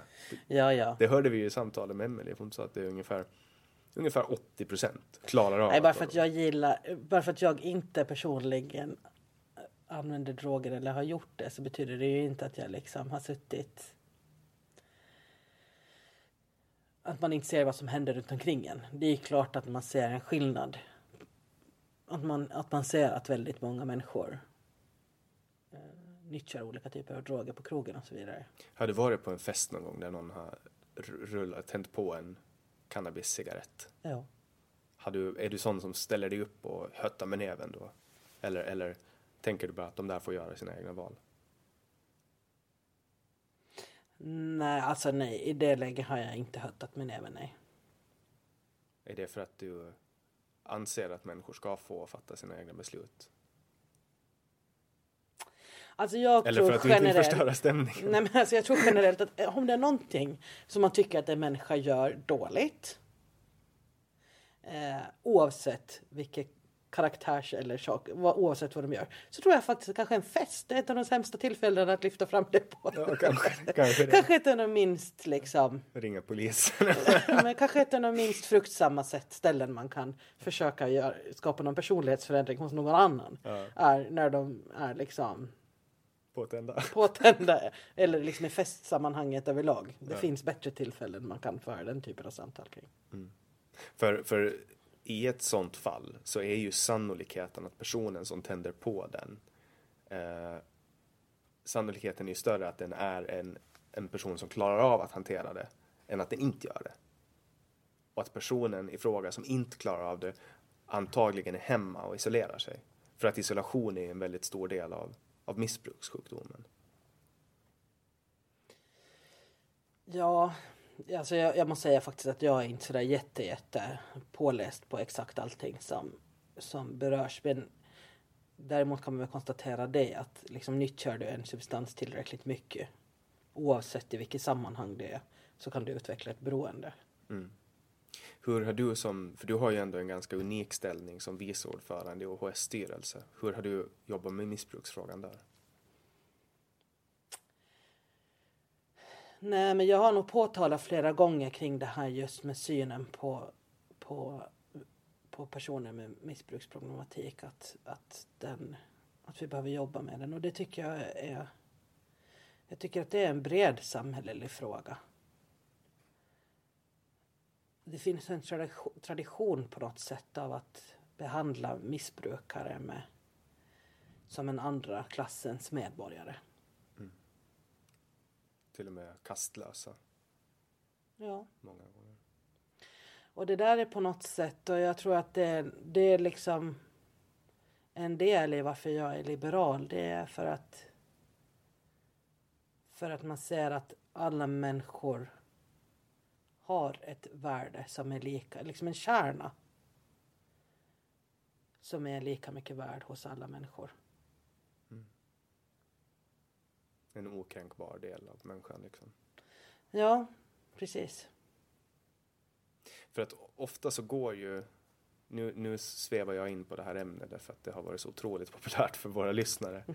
eh, jag tog upp det i förra podden också, Nia Hanström. Ja. Liksom. Eh, men, men vi ska försöka få in lite mer på det här ämnet för att vi ser att det här är ju ett av de mest polariserade ämnena som finns. Och nu håller det ju verkligen på att bli en förändring. Alltså poliserna går ut och varnar för liberala attityder medan andra går ut och hyllar att kunskapen äntligen håller på att slå igenom och Kanada gör förändringar i sin politik och USA och Norge och liksom Portugal. Tror du att det kommer att komma hit den här avkriminaliseringsvågen till Finland? Jag tror åtminstone, och det är ju bara att konstatera redan, eh, att diskussionen kommer att komma. Och jag tror inte att det kommer att fungera och göra så som politiker hittills har gjort. Sätter huvudet i sanden och ignorerar det faktum Ja, att folk dör och liksom. lider. Ja, så säger man liksom att det här eh, var liksom nolltolerans mot droger, punkt. Och det betyder det här och det här. Det är liksom, det är en aningen naivt. Tycker jag. Och fler och fler lever, alltså man kan tycka vad man vill och jag vill inte heller att det ska finnas missbrukare på Åland. Men det har ju under många, många år funnits en nollvision gällande alla typer av drogbruk. Förutom alkohol då, om vi vill kalla det för en drog. Och jag ser liksom på det sättet inte något fel med visionen i sig. Men det är ju bara att konstatera att det är någonting i det vi har gjort som inte funkar. Att- Och sen är jag absolut inte tillräckligt påläst för att säga att skulle vi gjort så här istället så skulle det ha blivit bättre och, och skulle vi ha gjort eh, det är tack vare nolltoleransen, eh, nollvisionen och nolltoleransen som vi har det så mycket i schack som vi har idag, så, så hävdar ju också vissa. Jag kan inte säga var man ska sätta ner foten. Men jag menar någonstans så vet man att vi har en helt global värld där det, där det brukas droger. Och vi vet att den här typen av diskussion som vi för idag, som du var inne på, den är inte riktigt trovärdig för dagens unga. Nej, och det är ungefär mellan 15 och 20 procent som missbrukar. Resten, resten klarar ju av det. De kan ju ha sina jobb och sina familjer och sånt. Medan man, man, väl, man väldigt ofta hakar sig på de här 15-20 procenten. Enda sättet att få bort de här 15-20 procenten av människor som missbrukar, det är att avrätta dem. Det är enda sättet. Alltså, Nej men och där kommer vi in på psykisk ohälsa igen. För jag menar det vet man också att det finns en stark koppling mellan psykisk ohälsa och missbruk. Och där, och där tycker jag vi ska hålla på med förebyggande. Men om vi nu, du pratar själv öppet om, om din egen situation. Kanske det borde ha satts in mer resurser på, på Jannik Svensson när han var 14. Absolut. De visste om att jag var bipolär när jag var 14. Mm. Men, men istället så skickade de iväg mig till ett motivationscenter. Ja. Där, det, där jag inte fick någon form av medicinsk Mm. eh, bejakande av min sjukdom. Den fick liksom utvecklas fritt. Och det där tycker jag man kan, man kan se, liksom, oavsett vem man pratar med, så kan alla kan relatera till de där, kanske liksom i ett högstadie, fyra, fem stycken, som alla visste att mådde jätte, jättedåligt. Alla visste att, att någon eller några av dem haft ganska svåra trauman i livet. Och det är ju ändå barn i den juridiska bemärkelsen. Och där tycker jag på något sätt att man kunde göra mer. Och många av dem som, som hörde till den här kategorin som vi nu pratar om. eh, så idag, i alla fall i de som gick i högstadiet, liksom före, efter och under den tid jag gick i högstadiet. Så de har ju missbruksproblematik idag. Och ganska svår sådan. Och, och där vet man ju inte heller om, om den psykiska ohälsan är anledningen till självmedicineringen. Om det är självmedicineringen eller anlaget för att självmedicinera som leder till psykisk ohälsa. Men, men ofta så ser man att ehm, ett jobb, kärleksfulla relationer och, och, en mening i livet gör att, att människor kan ta sig ur missbruk. Mm. Sen finns det de som inte kan. De som inte klarar av det. Men jag menar det där är ju liksom de här personerna med starkt riskbeteende, denna från låg ålder. Ja. Jag, tror, jag att... tycker, tror att vi borde vara bättre på att ta hand om dem. Och det, är liksom, det kommer inte att lösa problemet att man säger så här, jo men vi delar ut paffbidrag till alla typer av föreningar. Att de här barnen måste bara gå med i en förening och börja träna. Alltså de kommer inte att göra det. Men sen tror jag också, om jag ska vara helt ärlig, att, att alla människor har en roll eh, i evolutionen. Alltså, förstår du vad jag mm. menar? Alltså, kolla till exempel, nu ska jag ta ett banalt exempel, men Kurt Cobain. Mm. Han, han var liksom, um, han klarar inte, han orkar inte leva. Men han var ett, ett kreativt geni. Och han har påverkat jättemånga människor. Och, och nu tog jag väl kanske alltså det, som, det, det exempel som personifierar psykisk ohälsa. Liksom. Men, men att många kreativa genier, många uppfinnare har haft problem med ångest. Många har tagit livet av sig. Alltså, det är liksom, på något sätt så känns det som att, att det här, att de har en del i naturen. Att de alltid på något sätt har funnits, att de är med oss och skapar den här innovationen men kanske känner att de inte tillhör den här världen. Alltså, mm. Alltså, förstår du vad jag menar? För att ofta så är människor eh, som, som är otroligt ljusa och smarta också väldigt deppiga och, och i perioder väldigt nere. Mm. Det där är väl en annan sak till på frågan varför är du liberal? Och det har väl att göra med, med det att man inte heller tycker att att samhället ska reglera precis allt. Och jag tänker att vi har ett samhälle med väldigt, väldigt strikta, strikta levnadsregler och ganska inrutat för, för hur det är okej okay att vara. Kolla på skolan. Alla ska, alla ska göra på samma sätt fast man alla ska, inte Ja precis, och alla ska liksom gå ett treårigt gymnasium och alla ska liksom ha det sam, samma, samma. Det är liksom... Och det... Jag menar vi har enormt mycket homofobi i samhället, rasism. Alltså att vara annorlunda är inte okej. Okay. Och det pratar man med, med många av de här människorna som du pratar om, de här kreativa genierna, så säger de ju ofta det, i alla fall till mig, att det finns ingen plats för mig i det här samhället. Mm. Och där tycker jag, jag är ju jag tycker faktiskt att den här visionen som finns för Åland, det här med att alla ska kunna blomstra. Det låter liksom lite tacky vid första anblicken, men det är faktiskt en väldigt, väldigt fin vision. Men den kräver en fullständig omställning i det, i det, i det sociala livet. Mm. För att det sociala livet bygger ju på tradition om hur man, vad, alltså vad man har för förväntningar. Nu har ju det sociala livet traditionellt sett varit väldigt mycket klass. Um, och det har varit väldigt mycket regler och så. Nu är ju folk mer frisläppta än någonsin. Alltså, nu, är vi det? Ja, men, ta de exempel till exempel. Vi är mer inkluderande både när det kommer till rasism och homofobi än vad vi någonsin har varit innan. Liksom. Mm. Och förut har, har ju folk liksom ända till graven hållit på att de har varit homosexuella. Mm. Och idag kan man komma ut som tonåring och bli hyllad. Eh, alltså, samtidigt så blir ju världen en bättre plats för alla. Mm. Och förutom missbrukare, som jag ser det. Alltså, ja, fast det, om man går in på det så, ja, ja mm, nej men fortsätt. Mm, men att, att värld, alltså man tar ett stigma i taget. Vi har, vi har liksom tagit bort det här med att det är skam att skilja sig. Vi har tagit bort det här med att det är skam att vara homosexuell eller ha en avvikande sexualitet eller identifiera sig som ett annat kön. Vi har tagit bort olika former av skam och nästa stora skam vi måste ta bort tror jag är psykisk ohälsa. Mm, ja men det håller jag med om.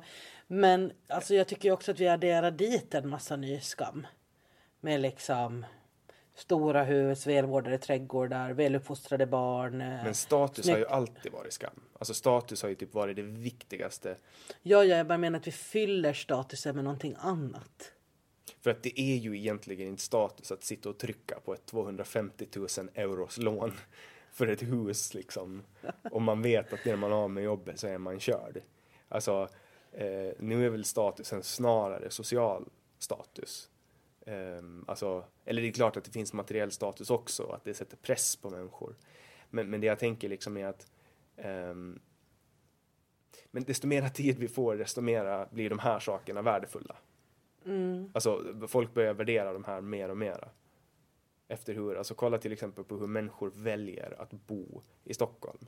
Mm. Det är ju ett exempel, alltså det är en otroligt pressad marknad och folk är beredda att liksom gå på knäna och knappt ha råd med mat för att få bo på Södermalm. Mm. Jag är en av dem. jag har bott på Söder i typ ett och ett halvt år. Mm. Eh, Fattig som en kyrkråtta. Exakt. Men det har också att göra med att det tar, alltså ska man bo i Vällingby så får man sitta 40 Ja, ja, minuter nej, men precis. Jag har också bott i Stockholm. Men eh, jo, men jag tänker att vi fyller det med massor med nya normer för hur vi ska vara. Mm. Och jag tänker så här. Alltså folk håller liksom på Facebook och delar det ena och det andra och den ena liksom kräver och det, där ser man det här är polariserat. Det är ju på något sätt som man lever i parallella universum. Man går in i ett Facebook-forum och där är liksom alla så här. Jag ångrar att jag skaffar barn för det är dåligt för klimatet. Och sen, om jag, jag raljerar lite, och sen så är det så här. Nej, det finns inga klimatförändringar. IPCC, det är, alltså FNs klimatpanel, det är, det är bara en massa hittepåfigurer. Alltså det är väldigt lite som finns i mitten någonstans. Ju med, Där det goda samtalet förs. Och så, så är det väl lite med det här också på något sätt. Att det, det är ju lite beroende på var, var man befinner sig. Men jag tänker ju nog att det finns väldigt få som... Eller jag tänker så här, att man borde tänka mer. Så här, ja, men om den där människan vill göra det, det skadar ingen annan. Låt det bara vara. det är ju väldigt liberalt. Ja, Väldigt liberalt. ja det är det, så det är lite på temat. Att vara, varför jag är liberal. Ja. Men jag har ingenting emot frihet, det vet du. Nej, nej, men jag liksom tänker det och det är också sådär grejer liksom. Om man vet att någonting sårar en annan människa. Då varför ju- måste jag liksom få hävda min rätt att säga det? Nej, då har man ju också ett ansvar. För att det, men det är ett moraliskt ansvar. Men människan har ju aldrig tappat sin moral. Alltså, eh, man pratar ju ofta om det här moraliska förfallet som sker med ungdomar och du vet till och med på eh, de gamla eh, grekernas filosofer skrev att idag ungdomen är så fördärvad och alla vill skriva en bok och liksom Ja.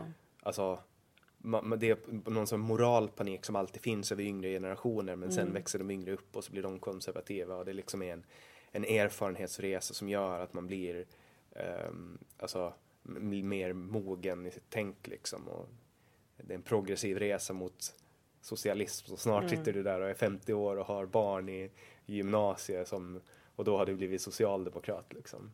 Så du kanske inte har, du kanske inte är klar ännu. Tror du att jag skulle bli social? Nej, men det vet du. Att faktiskt när jag var yngre. Och det tror jag är för, alltså. Att vara liberal är ganska svårt. De flesta människor så, så har en ganska vag uppfattning om vad liberalism som ideologi innebär. Bara uppfattar jag så här generellt. Och däribland blandar jag mig själv. Och just för att jag tyckte att intressant, eh, frågor som feminism och, och miljöfrågor var viktiga så identifierade jag mig nog som mer vänster när jag var yngre. Tills jag liksom fick upp ögonen för den här fantastiska liberalismen. Men också det uppfattar jag, att jag blir sådär som man säger, att man blir mer och mer höger för varje år som går. Nu kom ju min teori där med att man blir mer och mer vänster. Ja, precis. Jag blir det inte. Jag blir faktiskt... Ja, för det första så blir jag väl lite förvånad över... Jag har liksom levt i den där tron om att man, det finns ju den här förhärligade självbilden av Åland. Där vi liksom är så otroligt rikt landskap och allting är liksom, skolorna är bra, äldreomsorgen är bra, allting är så bra, tjo och tjim och jättebra socialt skyddsnät och sådär. Så att,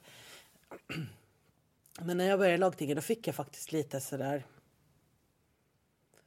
överraskade, förvånade är väl kanske lite starkt men men ehm, ändå så insåg jag på något djupare plan att vi faktiskt inte har det sådär jätte, jätte bra ekonomiskt ställt som det liksom alltid Målas upp. målas upp. Att jag hade tänkt tidigare att ja, men vi måste nog liksom börja hålla i slantarna eh, för att det här kommer inte att hålla i längden. Men vi hade kommit längre i den där nedåtgående processen än vad jag hade trott. Och sen så tror jag att vi kommer att måste prioritera mera när om några år. Alltså det, det är helt tydligt. Vi har ju så. en lågkonjunktur som kommer att ta oss. Ja, vi har kommer. också, det finns andra liksom för så, alltid liksom inte riktigt på plats så som det borde. Men med liberalism, så för mig är liberalismen liksom, jag kom gående genom skogen vid Övernäs skola för några veckor sedan. Som man gör, du vet när man är ute och spankulerar. Och så ser jag två kvinnor i din ålder som sitter och delar på en flaska bubbel Ja. vid en bänk. Och då hamnar jag i en konflikt som, som lite eh, där min liberalism vann. För att det fanns en del av mig med inbyggt civilkurage som tänker, men vad satan sitter de och dricker sprit? vi?" Och det- Tänkte du så? Jo, så tänkte jag. Men sen kom den liberala delen i mig som sa men det är väl hur härligt som helst. Att de sitter där och stör ingen och ser ut och har det hur trevligt som helst. Kanske diskuterar någon bok de har läst i veckan eller någonting. Nej, men så ska jag aldrig... Om det hade varit rast, på, alltså om det, skolan hade varit igång och det hade varit under en Men det här var ju en skolrast. söndag liksom. Nej men nej, det skulle inte jag tänka. Det här var en söndag. Men, men det var ändå en, alltså en reflex i mig. Som är så här, men nu ska jag ringa polisen. Du vet så. Och så Men, men den... den. Nu förvånar du mig lite. Det, nej men det är, ju- det är ju en inbyggd reflex. Det här kommer ju alltså, det här är ju nej, jag saknar den inbyggda reflexen. Ja, nej, jag har den i mig. Alltså nu, nu vinner ju inte den här delen, men den finns där. För att jag är ju på något sätt också eh, upplärd av samhället. Att ajabaja, det där får man inte göra. Så, sprit på allmän plats, huja nej. Alltså så.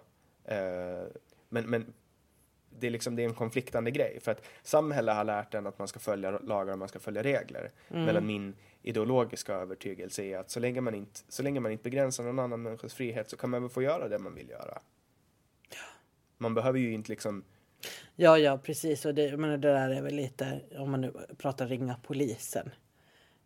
Det finns det väldigt finns ju- många som skulle ha gjort det i min situation. Jag var ju inte ens i närheten, men förstår du att den reflexen Nej, men det är väl klart att så liberal inte jag heller så att man ser vad som helst och tänker bara ja, nej, men det där var väl kul för dem och så går man vidare. Men men, men, men eh, för att någon sitter, två vuxna människor sitter och dricker vin på en bänk. Och ring, som förr i tiden när det var mycket mer alkoholister som satt på parkbänkarna.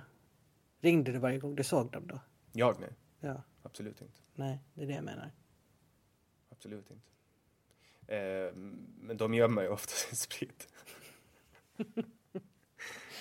de gömmer den ofta. Nej men det, det, det jag menar är att det finns liksom den här inbyggda reflexen att man, man, man förväntas ehm, följa lagen men man blint ifrågasätter varför gör man på det här sättet. Som till exempel när man stannar vid en stoppskylt. Man är helt jävla ensam, kommer från Jomala kyrka. Man ser en kilometer åt varje håll. Det finns inte en enda bil, men ändå måste man stanna där för att Ja men det är ju jag också. Alltså jag stannar också. Mm. Men jag ska ju inte ringa till polisen ifall någon inte gjorde det i det skedet. Nej, men du förstår vad jag menar. Man, man, man, det fyller där och då, när Ingen man har funktion. fritt, ingen funktion, men ändå gör man det för att Nej, jag man... ja. Och sen ser man någon som bryter mot den lagen, då finns ju ändå reflexen att det ska, de ska också, jag måste ju. Varför, jag- varför får inte jag? Alltså förstår du? Nu har jag aldrig fått böter för att dricka på allmän plats. Däremot har jag blivit tillsagd eh, att den där får du hälla ut liksom. Och då finns det en liten del av mig som känner att men vad fan, får de där sitta där och göra... Du vet som så. Jag kan ta ett exempel. Jag fick böter när jag var 15 eller 16 för att jag skjutsade min kompis på, moppe. Mm. Och nu har de tagit bort lagen och nu ser jag folk som åker runt två på mopeder och då blir jag så men fan, du vet, lite gnällig. Den här gnälliga sidan av mig kommer fram och känner men vad fan får de göra det för? Det fick inte jag. Jag har ju fått böter, jag fick 50 euro böter liksom. Nej men det där har inte jag alls. Alltså livet är för jävla orättvist. Så är det. Det är riktigt jävla orättvist. Så det där är ingenting att hålla på och bry sig i. Nej. Nej, jag är för ung. Tror jag, du? jag växer ifrån det tror jag. Ja, nej men alltså. Livet är sjukt orättvist. Och ska man hålla på och liksom älta allt som, som drabbar en eller vad man ska säga. Eh, Så då, jag menar, då, kan man in, då kommer man inte upp ur sängen på något sätt. Nej. Nej, det är en ständig jävla Inte för att jag säger mig drabb, drabba får man väl, kan man väl inte prata om mopedskjutsning men det finns väl andra saker i livet. Man får välja sina strider. Det finns saker man aldrig kommer att kunna påverka, tror jag. Ja, precis. Och så finns det saker man måste liksom förlåta sig själv eller förlåta andra för. Nu börjar vi närma oss slutet på vår pratstund. Finns det någonting som vi inte har pratat om som vi borde prata om? Ja, det finns mycket vi inte har pratat om. Men om vi borde ha pratat om det är en annan fråga. Jag tycker att det har varit ett fint samtal, Jannik. Det går alltid snabbt, eller hur? Ja, nej men... Man ja. tror att en timme och 50 minuter, nästan två timmar, det kommer att ta hur länge som helst. Och sen bara så swoop, så är man igenom det. Ja, nej men jag tycker, jag tycker att det, det var jättefint och jag tycker det är en bra podd som jag sa tidigare. Det, jag tror att... Jag hoppas att någon annan har känt så som jag har suttit hemma och känt när jag har lyssnat på dina andra poddar. Så här. Det där skulle man borde ha sagt det där till för det där är ju helt korkat. För det är det som jag tycker att det är det fina i så här längre typer av samtal. Det är den här personliga utmaningen i att, att ingen säger till och ifrån. Ja, Jag kämpar ju ständigt med att inte, alltså, som jag sa till dig innan, att 80 procent av gångerna som jag vill öppna munnen och säga ifrågasätt det där, ställ Mm. frågan, så gör jag inte. För att det här är meningen att vara ett samtal, inte en intervju. Och jag har ju intervjuat väldigt många människor i mitt yrke och, och då har jag ofta fått attackera folk. Och liksom. Mm. Men om jag attackerar folk och börjar konfrontera, då innesluter sig folk. Och tanken är att det ska vara ett samtal och jag ska lyssna, försöka Mm, lyssna. precis. Det borde ingå i så här, demokratibildningen för det nya lagtinget. Du får göra en så här podd med alla nya ledamöter. Och så måste de andra lyssna på det färdigt. Ja, det ska ju inte vara så illa. Nej. Jag hoppas ju själv att komma in i lagtinget och då kommer jag fortsätta driva den här podden. Ja, Folk, ankla folk anklagar ju mig för att det här är ett, eh, ett, ett utstuderat drag för att få röster att komma in Mhm. i lagtinget. Så är det inte. Utan, Nej, det där tycker jag att det är trams. Jag menar, det är ju så att de allra flesta som, som ställer upp i lagtingsvalet är otroligt samhällsintresserade och samhällsengagerade. Jag satt i flera föreningars styrelse när jag blev invald. Jag sitter i andra föreningars styrelse nu. Uh, att det är liksom en livsstil man väljer. Så att den där liksom tanken om att alla politiker går omkring och gör saker bara för att få röster. Det tycker jag att det kan man alltså- lägga ner med. För så utstuderat är det inte. nej men sen också jag och, och Didrik, eh, vi startade nästan en podd redan två, vi, två, 2016, 2017 började vi prata om det här och den låten vi använder i början och slutet, den gjorde han då. Alltså han, han komponerade den, eh, blir det våren 2017 eller hösten 2016. Och, och det här har varit vår, ett, vi har försökt dra igång det här hur länge som helst. Sen råkade det bara sig så att eh, det blev en politisk samtalspodd för vi först var vi inne på en helt annan idé men det var svårt i och med att jag bodde i Stockholm och han bodde här men nu, nu kände vi att det var rätt. Nej, jag tror att man... man eh, det finns mycket få ondsinta människor här i världen och mycket få människor som går omkring och tänker ut saker i 10-12 led för vad som är bäst för en själv. Utan folk gör det som de tycker är kul eller som de trivs med eller som de känner att det är viktigt för dem själva. Ja, politik är ju eh, mitt största intresse. Ja, precis. fråga Kajsa, hon Ja, ja, nej men det är det jag menar. Alltså, och, och sådär. Ja, nej men. Det är fantastiskt kul att få intervjua, eller intervjua, ha ett samtal med dig som vice ordförande, som biodlare, som eh, lagtingsledamot, som kompis, som alla de 45 olika stolar och hattar man får ha här på Åland. Ja. Finns det någon som du vill höra i podden? Och nu, nu har jag liksom- Ja, det finns det. Jag vill att du ska samtala med Runa-Lisa Jansson. Då ska jag kontakta henne. Det är en kvinna jag tycker att det är fantastiskt cool. Och vad, kan du ge mig en hisspitch på Runa-Lisa? Nej, men hon är en kvinna med ri mycket rik på erfarenheter, med tydliga, tydliga ståndpunkter och eh, vi är inte alls alltid politiskt överens. Verkligen inte. Men hon har en mycket intressant kärna i sin person. Då, då har du ställt mig mot väggen på den för att Mm.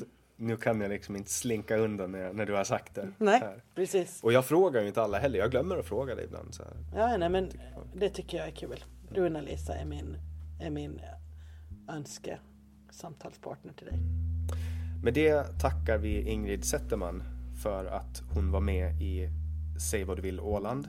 Eh, ni hittar som vanligt alla våra avsnitt på www.samtal.ax.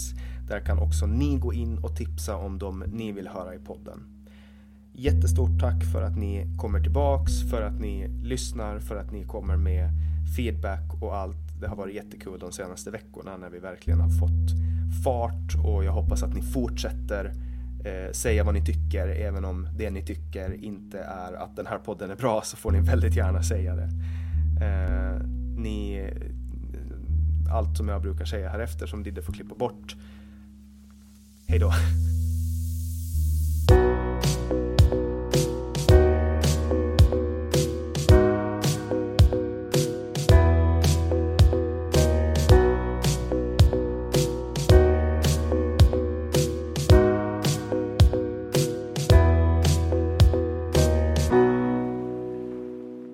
Jannik Svensson, producent för det här avsnittet var Didrik Svan. Du lyssnar på Säg vad du vill Åland.